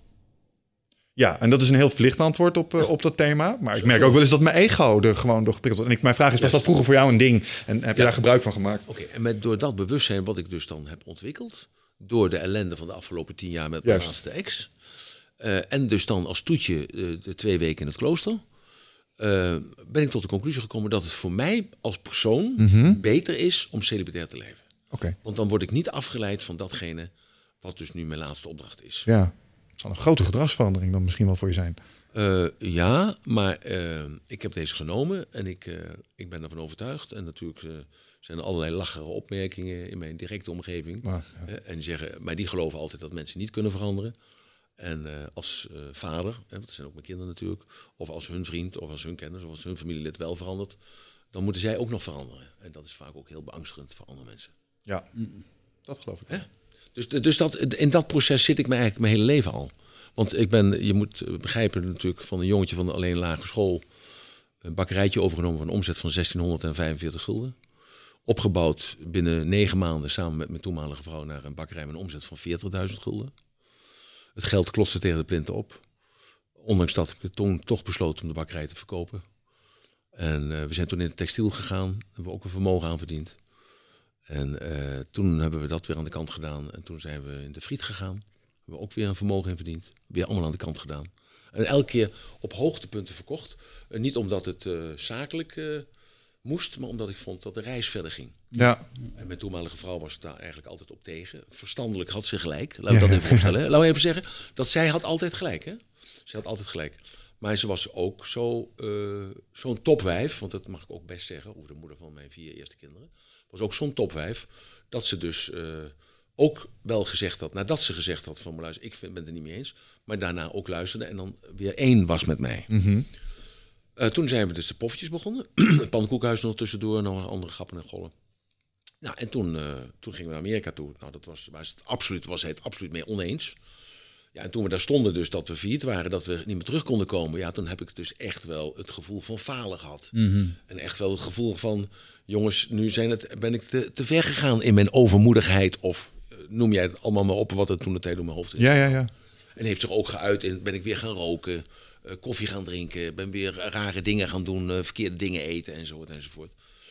En, uh, en toen ben ik dus via die omweg ben ik bij Robbins terechtgekomen. En ik, ik durf te beweren dat als ik die Robbins niet tegen was gekomen, dan was ik nu al lang dood geweest. Had ik me doodgevreten, doodgerookt, mm. uh, doodgeneukt, dood, uh, doodgereden. dan had ik gewoon, dan was ik er niet meer geweest. Mm. Dan ben ik, dat weet ik 100% zeker. Ja. 100% zeker. Weet je Hij nog, heeft mij aangeraakt. weet je nog wat het was? Wat, wat, wat hij deed? Wat hij zei toen het was? Het was het boek wat ik las. Oh. Ik was zo diep gezonken. en ik was in Farmers Market. Samen met de business manager van Michael Jackson. Om daar een, een, een, een dingen te huren, een plaatsje te huren. Om nog een test te doen. En uh, toen zocht ik een boek. En, uh, daar, uh, en toen waren er nog geen zelfhulpboeken. Dat bestond toen niet, hè? Hmm. In 1986 bestond. Ja, ja, ja. Dus ik, ik, ik, kocht altijd boeken van psychologen. Dus mijn hele boekenkast staat vol met boeken van Freud en van Nietzsche, van Jung, van Maslow en dergelijke. Ik begreep het niet. Ik begreep het niet, maar ik begreep het wel. Mm -hmm. Zo, ik weet niet hoe, ik kan het niet anders vertellen. Ik begreep het niet, maar ik begreep het wel. Ik kon, het, ik kon het wel toepassen. En ik zag het boek van de Robbins. En ik, uh, ik kocht het boek, kostte 3,95 dollar. Dat had ik nog, kon ik nog net betalen. En ik ging terug naar een tentje in Malibu. En de kinderen gingen s'avonds om 8 uur naar bed. En ik, uh, ik heb dat boek genomen. En ik heb het boek gelezen. En het leek net zo alsof de heer Robbins tegen mij sprak. In dat boek. Want hij schrijft, ik schrijf net zoals Robbins, Robbins schrijft net zoals ik. Je, je lees, leestaal, hè, spreektaal, spreektaal. En uh, s'morgens om vijf uur is het boek uit. Ik ben geslapen, is morgens om zeven opstaan. Ik heb nooit een sigaret meer aangeraakt. Ik heb nooit geen vlees meer aangeraakt. Ik heb meteen, vanaf dat moment, elke dag doe ik mijn oefeningen, doe ik nog steeds. Dus dat doe ik dus nu uh, vanaf 1986, nadat ik het boek gelezen had. Was in november. Uh, ik heb gelijk mijn communicatie veranderd naar mijn kinderen en naar mijn vrouw toe. Uh, ik heb gelijk een aantal beslissingen genomen. Ik heb een aantal dingen opgeschreven. En ik heb Robbins gebeld. En ik kreeg hem zelf aan de telefoon. En toen zei hij van... Ja, uh, yeah, where are you from? Ik zei, from Holland. Ik zeg, ik wil een seminar volgen. Hij zei, nou, dat kan toevallig. Hij zegt, 5 december 86, Lex. De airport. Ik zeg, nou, dan... ik zeg, ik heb one challenge, I have no money. Hij zei, ja. Hij you have to change your energy against my energy. I have got the knowledge, you have got the money. I said, I don't have the money, but I can bake poffertjes for you. En ik heb bake poffertjes for all the people who are coming. Hij zei, what the fuck are poffertjes? ik zeg, poffertjes are very delicious from Holland. And you eat them with sugar and butter. He said, uh, no, well, sugar and butter is very bad. It's not good for your health. Hij zegt, maar uh, you have so awful accent, awful accent. Where are you from? I'm from Holland, the Netherlands. He said, okay, you can come. Only one condition. Uh, I said, what's the condition? I said, I bring you to the front and I say to the people in the, in the, in the room that you specially flew in to follow my seminar. I will be there together with my wife and my three children. Goeie deel. Dit is goed, man. Dat is echt goud om te horen. Ja, mooi. Mooi. En uh, nou ja, dus daar gingen we naartoe. En toen uh, s'avonds gingen we vuur lopen, was vrijdagavond. Er zaten 125 man in de zaal. Ja, jongen, dat was fantastisch. 125 man, 125 man die voor één man komen. 125. En hij was jong, hè? Was, ik was 36, hij was 24. En, eh, jongen, en ik kwam op met Rocky, met de muziek van Rocky kwam hij naar beneden. En, eh, nou, beneden stond beneden, dan praten, praten. Ik zei, binnen 10 minuten zei ik tegen mijn vrouw, ik zei, dit ga ik in, eh, dit ga ik in Nederland doen. Toen zei ze, ja, zorg je dan maar eerst maar dat we terug kunnen komen. ik zei, die verkoop met Michael Jackson gaat door, gaat door. En toen s'avonds uh, moest er op het vuur gelopen worden. Dus ik zeg tegen Jenny, ik zeg, loop jij als eerste? Ze zegt, eh, nee, loop jij even als eerste. Ik zeg, nou, ik zeg, ik denk het even niet, zeg. Ik zeg, eh, en in één keer zagen we me nu lopen, om een dochter. Een dochter van acht jaar. Die liep er zo overheen. S'nachts om twee uur. Ik zeg, Jenny, Jenny, Minou, Minou. Ja, oh ja, Minou. En even een Rols erachter. Ik zeg, Minou, en Rols, Rols, Rols loopt er ook overheen. ik zeg, ik doe het ook. Het schoen uit, sok uit. Nee, niet doen, niet doen. Ik zeg, als, ik zeg, als die plagen, dat kunnen, kunnen wij dat toch ook. Up. En ik liep er overheen. Yeah, yeah, yeah. Dus liep zij er ook overheen. Gek. Dus daar is het begonnen. Ja, en toen heb ik eh, dus het verhaal compleet te maken. Dat weet ook nooit iemand, ik heb het nooit verteld. Dus jullie zijn de eerste die ik dat vertel. Dus toen heb ik eh, geboekt voor certification. Dat was in, eh, in juli eh 87. Heb ik dat gevolgd. En toen kwam ik terug als een NLP-beest. Dat was echt, ik was nog erger dan een terrorist of een Jehovah-getuige, mormoon en noem ze allemaal bij elkaar. gewoon, ik was gewoon levensgevaarlijk. Als ik op straat, dan sprak je gewoon aan. Ik zei, luister, je zit niet goed in je vel, zal ik je even helpen? En jij moet luisteren bij McDonald's, je moet niet eten. Weet je wel hoeveel koeien daarvoor geslacht worden voor één hamburger? Nou, dus ik was gewoon een gevaar voor mezelf. En... eh, maar gelukkig had ik dat heel snel in de gaten. Eh er kwam ook niemand meer over de vloer natuurlijk. En eh, Jenny had het heel zwaar met me. En toen heb ik Robbins gebeld. En toen zei Robbins, eh, nou, eh, kom maar even. Nou, toen ben ik naartoe gevlogen. Dat was eh, begin januari eh, 88. En hij herkende mij, omdat ik altijd, ik was eh, de- dus in de zaal was ik de enthousiaste. Dat- was je voorstellen, twee weken achter elkaar, van 's morgens eh, tien tot s'nachts vier uur. En ik was er altijd om half eh, negen of negen uur. En ik hielp dan als vrijwilliger mee. En s ochtends vroeg hielp ik ook dan nog mee. Dus ik was de crazy Dutchman. Maar ik was ook de enige buitenlander, de rest waren allemaal Amerikanen. En eh, dus iedereen kende mij natuurlijk daar ook. Tenminste van de organisatie. En eh, dus ik kom aan in eh, La Jolla en, eh, in januari is, eh, 88. En ik, nou, ik kreeg Robinson te spreken en toen zegt hij... Are you willing to pay the price? Ik zei, I pay any price. Hij zei, nou is goed, dan kun je zes weken bij me blijven. Hij zes maanden bij me blijven. Ik zei, hoe gaan we dat dan doen dan? Hij zegt, laat het maar gaan. Hij zegt, kom vanzelf goed. Je blijft zes maanden bij me. Ik dat is goed. Hij zegt, dan moet je terug zijn. 1 februari 88 moet je hier zijn. Het noon. Ik zeg, dat is goed. Dus ik naar huis. Ik, ik zeg tegen me, Jenny, yeah, ik ben Rob is opgeleid. Zes maanden kan ik bij hem zijn. Ik kan hem modelleren. Dag en nacht ben ik bij hem. Helemaal goed. Eh, pam, pam. Nou, zo gezegd, zo gedaan. En mijn vrouw zei, ja, idioot. Maar je kent die Amerikanen toch, jongens. Ze zijn onbetrouwbaar. Ze zeggen, kom eraan. En dan zijn ze er niet. En mijn moeder die zei, lieverd, doe dat nou niet, eh, jongen. Want ook fout. Allemaal vrienden kennen. Allemaal zeggen, je bent hartstikke gek. Amerikanen moet je niet vertrouwen. Hoeveel geld moet je betalen? Ik zeg, we hebben het helemaal niet over geld gehad. Ja, dat komt dan achteraf. Dus eh, straks moet je wel betalen en zo. Ik zeg, maakt me allemaal niet uit. Nou, kom eraan op 1, jan- op 1 februari 88. Nou, dus die meiden zaten er allemaal van de organisatie. Nou, ik had natuurlijk eh, haring bij me, en kaas en uh, tulpen en eh, klompen en, eh en Delsblauw en eh, nou, de Crazy Dustman. Nou. Dus, en toen zei ik van, eh, nou, eh, waar is Tony? Eh, Tony, Tony uh, just uh, went on holiday to Fiji. Hij zei, what, uh, went on holiday to Fiji? Uh, we have an appointment. Nou, de, keek in de agenda. Nou, you are not in the, in the timetable, you're not here. So when is coming back? He's coming back. Uh, well, we don't know when he's coming back because uh, he will be there uh, at uh, May uh, 11 because then he has a seminar in uh, New Orleans. I said, but that's uh, February, March, or April. It's three months. Ja, oké, okay, well, what can we do? Nou, dus op dat moment natuurlijk in mijn hoofd, natuurlijk in mijn stem van mijn vrouw, van mijn moeder, van al die vrienden, van zie je wel, je laat je voor de gek houden. Want hij houdt zijn woord niet, Amerikanen onbetrouwbaar, veel beloven, weinig geven, doe de gek en vreugde leven. En toen dacht ik bij mezelf, laat gewoon, blijf dan bij de les. Wat heb je geleerd? Het maakt niet uit wat je overkomt. Het gaat erom, wat doe je ermee? Relax. Dus hup, stop. En toen zei ik tegen Burl, Burl was de toenmalige uh, manager van het bureau, van de office. Ik zeg, maar luister, dan wacht ik op hem. Ah, dat is hartstikke gezellig, zei ze. ik zeg, dan wacht ik op hem. Ik zeg, maar dan vind ik wel dat ik in de bibliotheek mag van Tony. Oh, zegt ze, hartstikke gezellig, want die bibliotheek was in het kantoor, in die office. Nou, dus uh, ik heb een appartementje gehuurd aan de overkant. En ik heb uh, elke morgen deed ik trouw mijn oefeningen natuurlijk voor mezelf buiten op straat. En om zeven uur zat ik in de office tot s'avonds 11 uur. Omdat dat kantoor gaat door, omdat ze ook New York moeten bevoorraden en moeten verkopen en uh, moeten adviseren. En er was toch geen tijd van, er was nog geen e-mail, er was mm -hmm. geen internet. En er ging allemaal telefoon, allemaal met folders en dergelijke. Mm. En uh, ik was elke morgen om 7 uur tot s'avonds 11 uur, zat ik dus in de bibliotheek van Tony. Waar Tony dus al zijn kennis vandaan gehaald had. Dus alle boeken die hij gelezen had. Alle audiotapes die hij beluisterd had. Alle videotapes die hij bekeken had. En ik zat erin, jongen. Nou, jongen, ik heb gelezen. Ik heb genoteerd. Ik heb geluisterd. Ik heb weer opgeschreven. Ik heb gekeken. Allemaal, jongen, jongen. Fantastisch, fantastisch, fantastisch. En ik, eh, Tony is heel groot, hè? Dus kop groter als ik en handen twee keer zo groot. En eh, in één keer werd het donker in de kamer. En ik keek op en dan stond hij in de... En nee, hij keek me aan. Hij zegt, are you still there? En ik antwoordde hem zonder meer na te denken. Of course, I was willing to pay the price.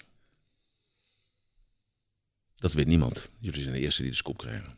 Ah, cool verhaal. Ja, jongen. En toen ben ik zes maanden met hem dag en nacht bezig geweest. Kosten gaan voor de baten uit, dat blijkt maar weer. Als je echt ergens in gelooft. Ja, eh, Ja, maar je moet gewoon bij je bereid. Dus iemand komt in therapie bij mij. Moet je je voorstellen, iemand is terminaal. En die zegt, Adelman, luister, ik heb gehoord van jou, dit en dat, zus en zo. En dat is het enige wat ik vraag is, ben je bereid om de prijs te betalen? En als ze dan zeggen, als ik mijn eigen urine moet drinken, dan doe ik het niet. Dan zeg ik, u bent er nog niet aan toe. Is dat een van de oefeningen? Are you willing to pay the price? Want als je echt ziek bent, als je echt ziek bent, Mhm. Maar luister, en ik zeg tegen je, kruip tot het eind van de straat. Eh, Kruip naar hier, naar het AMC. eh, eet je eigen shit. eh, drink je eigen pis.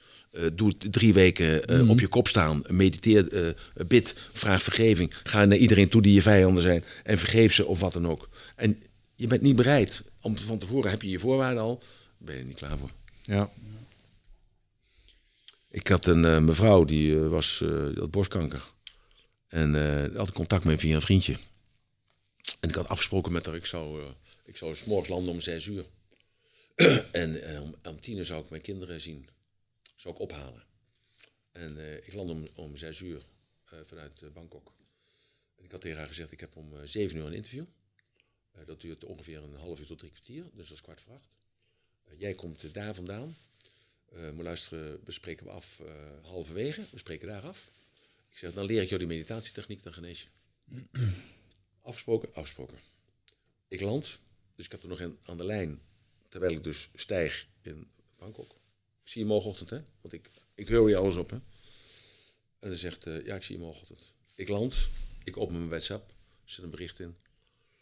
Ja, ik eh, kom uit het café, ik heb te veel gedronken en ik heb een pilletje gebruikt, gebruikt en ik kan je niet ontvangen morgen. Hm.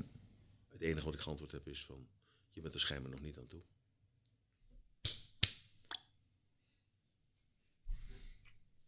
Ja, en zo is het ook. Mijn keuze. Ja. Snap je? Ja. Dan wordt het mijn keuze. Powerful. Sterk, ja. Oké, Emiel, we gaan hem afronden. Want, eh, Hoe lang heeft het geduurd, jongens? Nou, we zitten, uur. ik zit al even kijken. We zitten nu op de 2 uur en 20 minuten. Oké, dan moet je dus Dat kill your vloog. darlings. Kill your darlings. jongens, nou, ik heb hier een vette podcast gehad. Dit was lachen. Ik vond het mooi. Was het een beetje entertainment, jongens? Zeker. Zeker. ik vond het een achtbaan. Het was niet om de 12 minuten, maar het was om de 4 minuten een hilarische grap of uitspraak. Maar eh, nee, man, ik vond het lachen dat je er was. Ja, fijn. Ehm, ik denk dat je een... eh, ja, je bent gewoon een markante dude. Ik kan het niet anders zeggen. ik zie dat natuurlijk zelf niet zo. Want ik doe gewoon mijn dingen wat ik moet doen. Ja, maar het is wel wie jij bent. Volgens mij kan je ook niet anders En dan dat dit. is wel, dat is Ja. wel dan een ding. Ja. Dus je kunt dus zeggen wat je wil. Eh, zoals ik je hier heb ervaren en met je energie... ben je wel een authentieke peer die het gewoon doet. En Ik snap je doet- wel Je dat- doet gewoon waar je zin in hebt. Ja. En dat, dat is de maar je begrijpt dan ook dat het voor vrouwen het ook moeilijk is als je met mij samen bent. Daar kan ik me... Nou, in dat opzicht ben je, ben je misschien voor mij persoonlijk ook wel een klein beetje een spiegel. In dat opzicht, in de interactie met dames. Dus ik snap wel wat jij, eh, wat jij daardoor staat. Hoe groter geest, hoe groter beest. Die ga ik halen. Die ga ik stelen. En daarmee sluiten we af. Dames en heren, dankjewel. Emiel, Emiel, dank dat je plezier. er wel, man. Luisteraars, tot de volgende keer. Ciao.